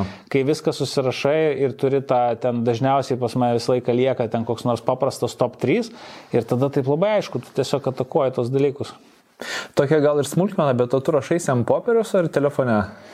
Telefone, bet pradėjau rašytis ant popieriaus, bet dabar rašaus telefone ir, okay. ir, ir, ir puikiai tai veikia. Okay, man, aš kažkaip dėl ko klausiu, nes man būna, kad telefonas tokių uh, bereikalingų trukdžių turi ir aš tokiems dalykams rašymui dažniausiai naudoju atskirą knygutę turiu. Jo, aš ilgą laiką labai turėjau knygutės, bet aš manau dabar tiesiog svarbu įsirašyti, e, kad pamatytum tą grafinių pavydalų. Mm -hmm, tai tai turbūt ja. svarbiausia. Ar šitam vat, etape tavo gyvenimo, kuris jau gan ilgas yra Love Streams Running, ne, jeigu pavadintą etapą buvo tau taip, kad, nu, trūksta motivacijos. Ir jeigu taip, ką tu darai tuo metu, kai tau trūksta? Mm, nei karto nebuvo. E, nei karto nebuvo net mažiausio tokio susviravimo. Buvo gal ten sunkių visokių etapų ir dabar dar yra, kai kartais ten nežinai ėjimo arba nežinai tikslaus sprendimo, mhm. bet motivacijos kaip tokio, kad e, apskritai čia nesijaučiu savo vietoj, nenoriu arba nematau prasmės, nu va toks, ta, tas, tas toks yeah. tik, tikras motivacijos, tai jo, e, jo nejaučiu nei sekundę. O apskritai savo gyvenime, nu turbūt buvo, bet gal jau buvo. tada mes tai nekeliaukime, nes jau praėjome. Bet buvo. Tai. Jo, okay. uh, kaip žinai, kad tu esi teisingam kelyje? Mm, manau, pa pagrindė nuo to, kaip dvi, dviejų dalykų, kaip jaučiuosi aš kasdienybėje savo mhm. ir, ir kaip jaučia žmonės aplink mane. Tai, tai, tai pagrindinis kelrodis, tiesiog, kurį aš stengiuosi visą laiką uh, patikrinti. Geras, kaip gražu. O tikslus tu e, rašaisi, ne, ar turi kažkokią, nežinau, formulę ar formą, kokia rašaisi tikslus? Ar, nu, vat, koks tavo yra, sistema yra? Į Google Docs, labai paprastai. Jo, bet aš turiu omenyje formą, gal, žinai, nu, čia būna, pavyzdžiui, ten, tarkim, kai aš kadangi su verslo literatūra esu gan pažįstamas, tai, nu, tarkim, yra keturi vykdymo disciplinos ir ten yra labai tiksli forma, kurią turi užsirašyti tikslą kad nuo tos datos iki tos pasieksiu, sakykime, tikslą nuo ten iki ten. Ar ne, nu, kad tarkim, jeigu tu nori uždirbti e, verslę ten nebe 500 tūkstančių milijoną apyvartos mhm. ar nepadaryti, tai iki ten gruodžio 31 dienos šių metų, žinai, apyvarta padidės nuo 500 tūkstančių iki Taip. milijono. Jo, suprantu, ką tu turi minėti, tai ne, aš tikrai nesu toks gal metodiškas, e, aš pastebėjau, kad E, metuose, bent jau man, gal tokie gyvenimo ir metų ciklai, kad yra tas vat, ankstyvas rugsėjas ar vėlyvas rūpjūtis, kai tiesiog e,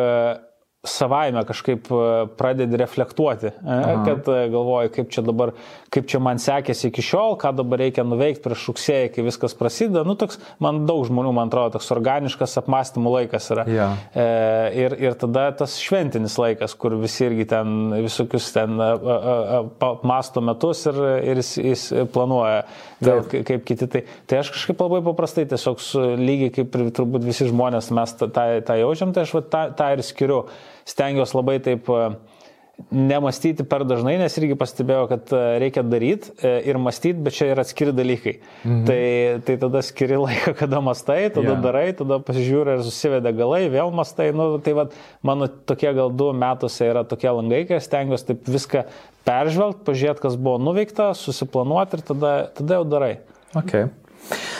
Ta tokia klasikinė saviugda. Ar tu kažkiek, nes tu daug skaitai, bet aš nežinau, vat, e, vis tiek turbūt dažniausiai yra kažkokia rimtesnė literatūra, ne? Ar tu skaitai populiariosios psichologijos, va, tų saviugdos knygų kažkokių? Mm, gal ne, e, daug, daugiau aš vis, vis tiek kaip nu, toksai knyslys akademikas, toksai iš, ja. iš, iš savo, tai, tai iš karto einu tada prie, prie ištakų mokslinių ir bandau suprasti, kokie ten tyrimai buvo daryti, kokios yra ten metodikos. Tai, tai e, jeigu ir ten kažką iš populiariosios e, e ten literatūros atsiko, aš vis tiek tada einu į pirminius šaltinius ir galiausiai bandau ten, ten, tenai susivokti. Bet nepaisant to, vat, yra, yra tikrai ten, nu, kaip ir tu ten e, apie šitą kalbėjai, e, kaip tas mindset, kur e, užkrito. Augimo mąstysena. Jo, augimo mąstysena, growth mindset, tai jo, kur, kur, kur yra irgi ten viskas paremta nu, labai akademiniais tyrimais, bet tai mhm. tapo tokiu kaip nu, dideliu judėjimu vos, nesakykime, ja. visur versle ir sporte. Tai, tai labai tai, tai va, su šitokiais dalykais, kurie yra tokie dideli trendai, aišku, susipažįstu, nu, tai perskaičiau tą ten knygą. Tai, mhm. Supratau. Ar yra kažkokie, vat, nu, tada jau grįžtant prie tų pirminių šaltinių, galbūt kažkokios literatūros, ką tu parekomenduotum tokiam, nu, sakykime, bendram susipažinimui, galbūt kažkas. E, su kokia sritim? Um, e, gal, sakyčiau, turbūt su žmogaus, va ta psichologija, augimo tokia, nes čia vėlgi... Mm, aišku, gal toks abstraktus klausimas, turbūt jau, tai. jau, jau labai sunku būtų į tą, į tą nukeliauti. Jo. Gal, gal man e, pas, pas, pasidalinsiu taip trumpai, kad, mhm. kad, kad liktų kažkoks konkretus atsakymas ir faina nuoroda. Tai paskutinė knyga iš vat, psichologijos ir ties, kuri labai man daug davė ir kur labai labai daug iš jos pasiemiau, tai yra ACT therapy, tai yra Acceptance Commitment, commitment Therapy. Mm, e, to, tokia kognityvinės elgesio terapijos e, atšaka, e, kuri dabar ten toliau visiškai keičia tą visą psichologijos lauką ir jinai tokia labiausiai gal iš esmės permastanti, kaip reikia, kas yra psichologinė problema, kaip, kaip jas gydyti ir kokios taktikos ir kaip žmonės turėtų apie tai galvoti. Aš manau, tiem, kas, kas domisi šitas rytim, e, ta, ta nu, knyga yra tokia gana m, tiršta, mhm. bet, e, bet ten galima, po, po, nu, galima tikrai pradėti ją skaityti, man atrodo, visiems. Okay. Čia turbūt irgi atsakymas bus ne, bet vis tiek paklausiu, turiu paklausti, ta klasikinė sėkmės literatūra, vadinama, esi ką nors skaitęs, man įdomu, nu ten kaip uždirbti milijoną, žinai, va, iš, iš tokios operos knygų.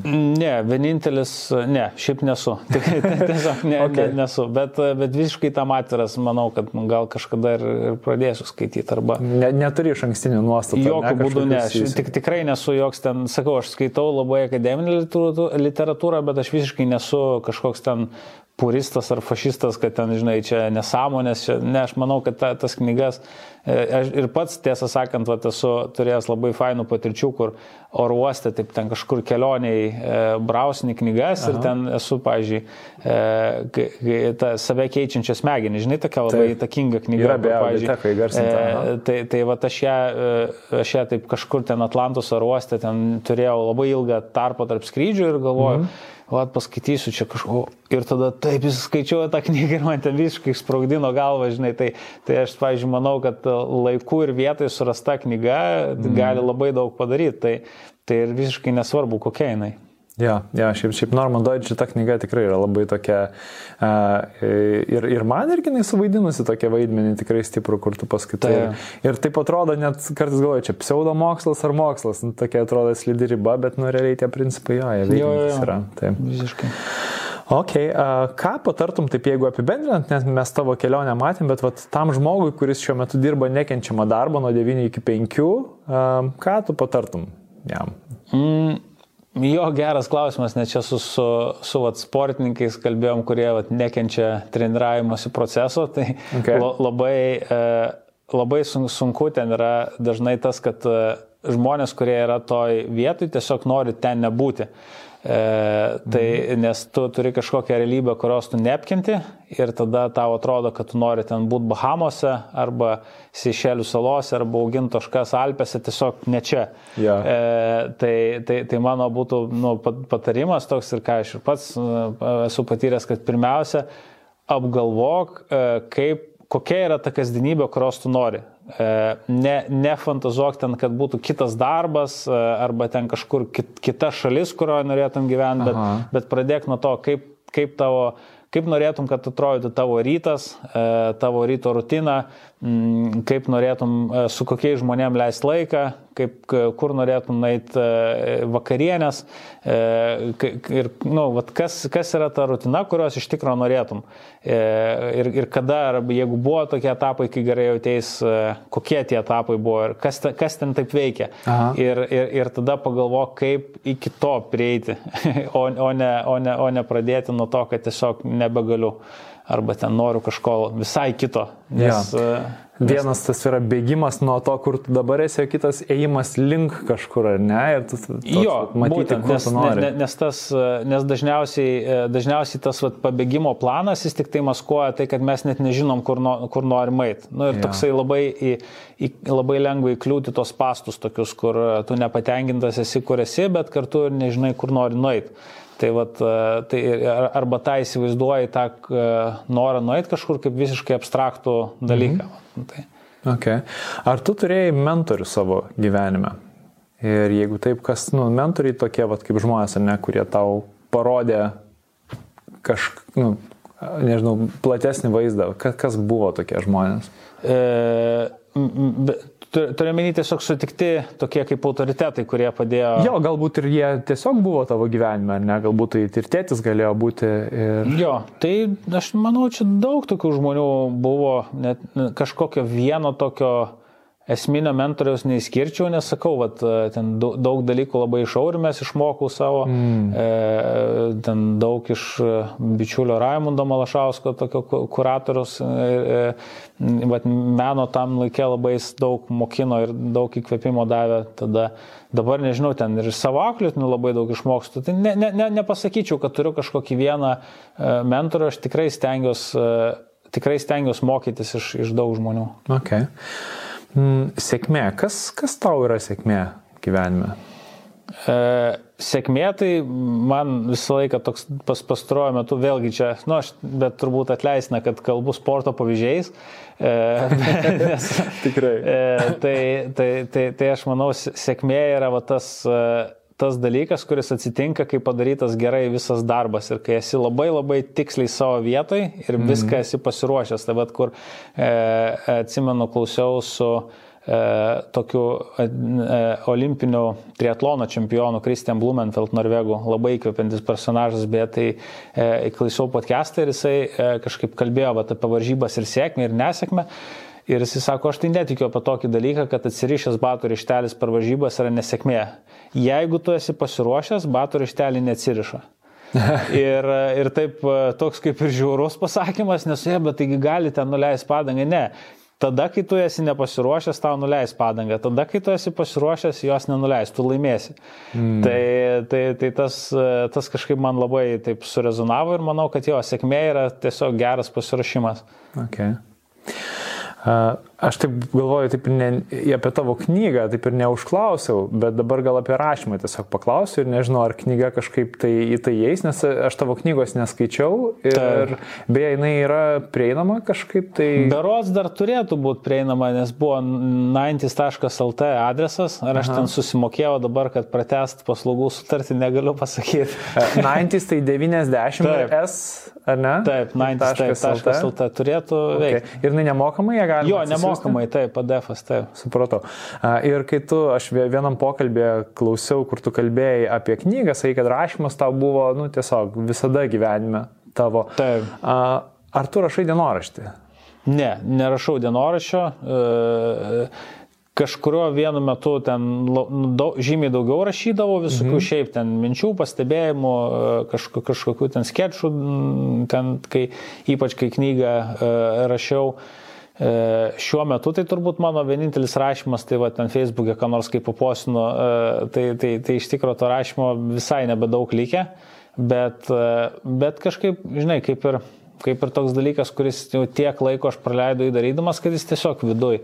Ja. Tai, tai, tai aš kažkaip, nežinau, Man dienoraštis yra, žinai, labiausiai apie tą tokį reflektavimą. Ir tu šiek tiek jau minėjai, kad yra pas tave du e, etapai gyvenime, kai tu darai tą tokią didesnę galbūt refleksiją ir paplanavimą į ateitį. Ar tu darai kažkokią refleksiją kasdien kaip praktiką? Mm. Jo, bet, bet sakau, stengiuosi labai, e, gal net e, čia nenoriu viršytų tos minutės dabar, bet stengiuosi per, per daug iš tikrųjų to nedaryti, nes mat, matau labai vis, vis labai taip e, irgi gal mūsų tokios ir ypač jaunesnės kartos spastai, kad žmonės tapo žymiai labiau samoningesni ir tai atnešė labai daug pozityvių dalykų, mm. bet atnešė truputį ir E, neigiamo tokio, kad labai dažnai užsimastom per daug. E, iš to, pažiūrėjau, kaip ir sakiau, labai svarbu pamastyti, kaip turi jaustis Aha. ir kaip nori jaustis. Bet tai ne, ne visą dieną apie tai mąstyti. Ja, ja. Supranti skirtumą. Ir čia yra šita, ir čia dažnai labai žmonės, kurie, pažiūrėjau, labai sulenda į savianalizę, samoningumą, ten visokias mindfulness praktikas ir, ir, ir ten žiūrėjimą savo tos kasdienybės ir tokį kalibravimą savo maisto, miego ir, ir, ir savo ten emocinės būklės. Ir tai tampa kartais net visai obsesyvu. Mm. Ir, ir, ir, ir, ir aš šitą, va, irgi, kai domiuosi tuo, natūraliai irgi lendėtai, bet ja. kažkurio metu taip e, reikia truputį ir taip e, vėl tokį jungt 90, žinai, mentalą, e, tai bet reikia padaryti dalykus. Tiesiog, nu, dabar nesvarbu, kaip jauties, turi, turi būti padaryta kažkas. Ir, ir toks truputį kaip, e, nu, tai, tai irgi labai svarbu, neužsimastyti, man atrodo, per daug. Mm. Ne, nežinau, jo, čia, čia sakau, čia atskira diskusija tokia, ja, bet... Ja. Uh, bet man atrodo labai labai teisingai, kažkada vis tiek tu turėjai imtis veiksmą. Ir, būtent. Ir, mm.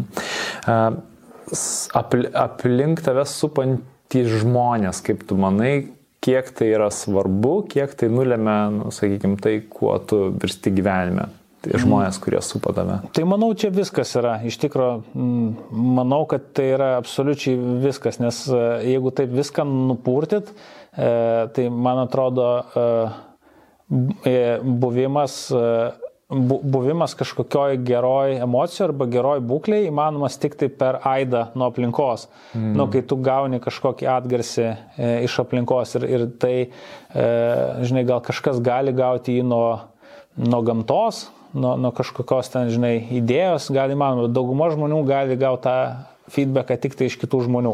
Aha. Tai, e, tai, tai, tai vat, buvimas su kitais žmonėmis iš tos pusės yra viskas, nes be, be, jo, nu, be jo mes ne, niekas negrįžta atgal, jokia energijos apytaka nevyksta. Mhm, iš tikrųjų. E, taip, ir paskutinis klausimas, kurį turiu tau, tai apie dėkingumą. Mhm. Ar tu turi kažkokią aktyvę dėkingumo praktiką? E, Tu, tu, tu, ne, e, kaip praktikos dėjo turiu. Šiaip tai turiu, nes, e, nes tikrai nu, labai tikiu šito dalykų dėkingumas, tai dažnai dabar diskutuojama apie tai ir, ir, mhm. ir, kaip, ir tyrinėjama vėlgi ir moksle, kiek, kiek, tas, e, kiek, kiek tos dėkingumo praktikos veikia ir aš tikrai tą irgi labai pajaučiau, kad visokiais sunkiais momentais, kai, kai pradedi E, taip mechaniškai, vat, kaip tu sakai, praktika, tiesiog įsivardint dalykus, um, už kuriuos tu esi dėkingas arba kuriais tu džiaugies, jie tiesiog fiziškai tą pakeičia. Nu ir aš tai bent jau tą labai jaučiu. Biochemija kūno pasikeičia. Būtent, ne? tikrai pasikeičia, kai ten, vat, aš pagalvoju ten apie aurimę, apie savo sūnų pagalvoju, apie ten savo auklėtinius, apie tai, kad aš dabar ten esu Vilniuje ir čia toks nuostabus laikas, kad, nu, ir pradedi vardinti e, visus tos dalykus ir tada taip išsitėsi net. Tai, mm. tai, tai, tai lab, nu, labai galinga ir, ir, ir nors sakau, tokia kaip, kaip ir klišė pastaruoju metu ta, ta, ta, tas dėkingumas, bet aš manau, kad e, tai yra su, superinis dalykas ir,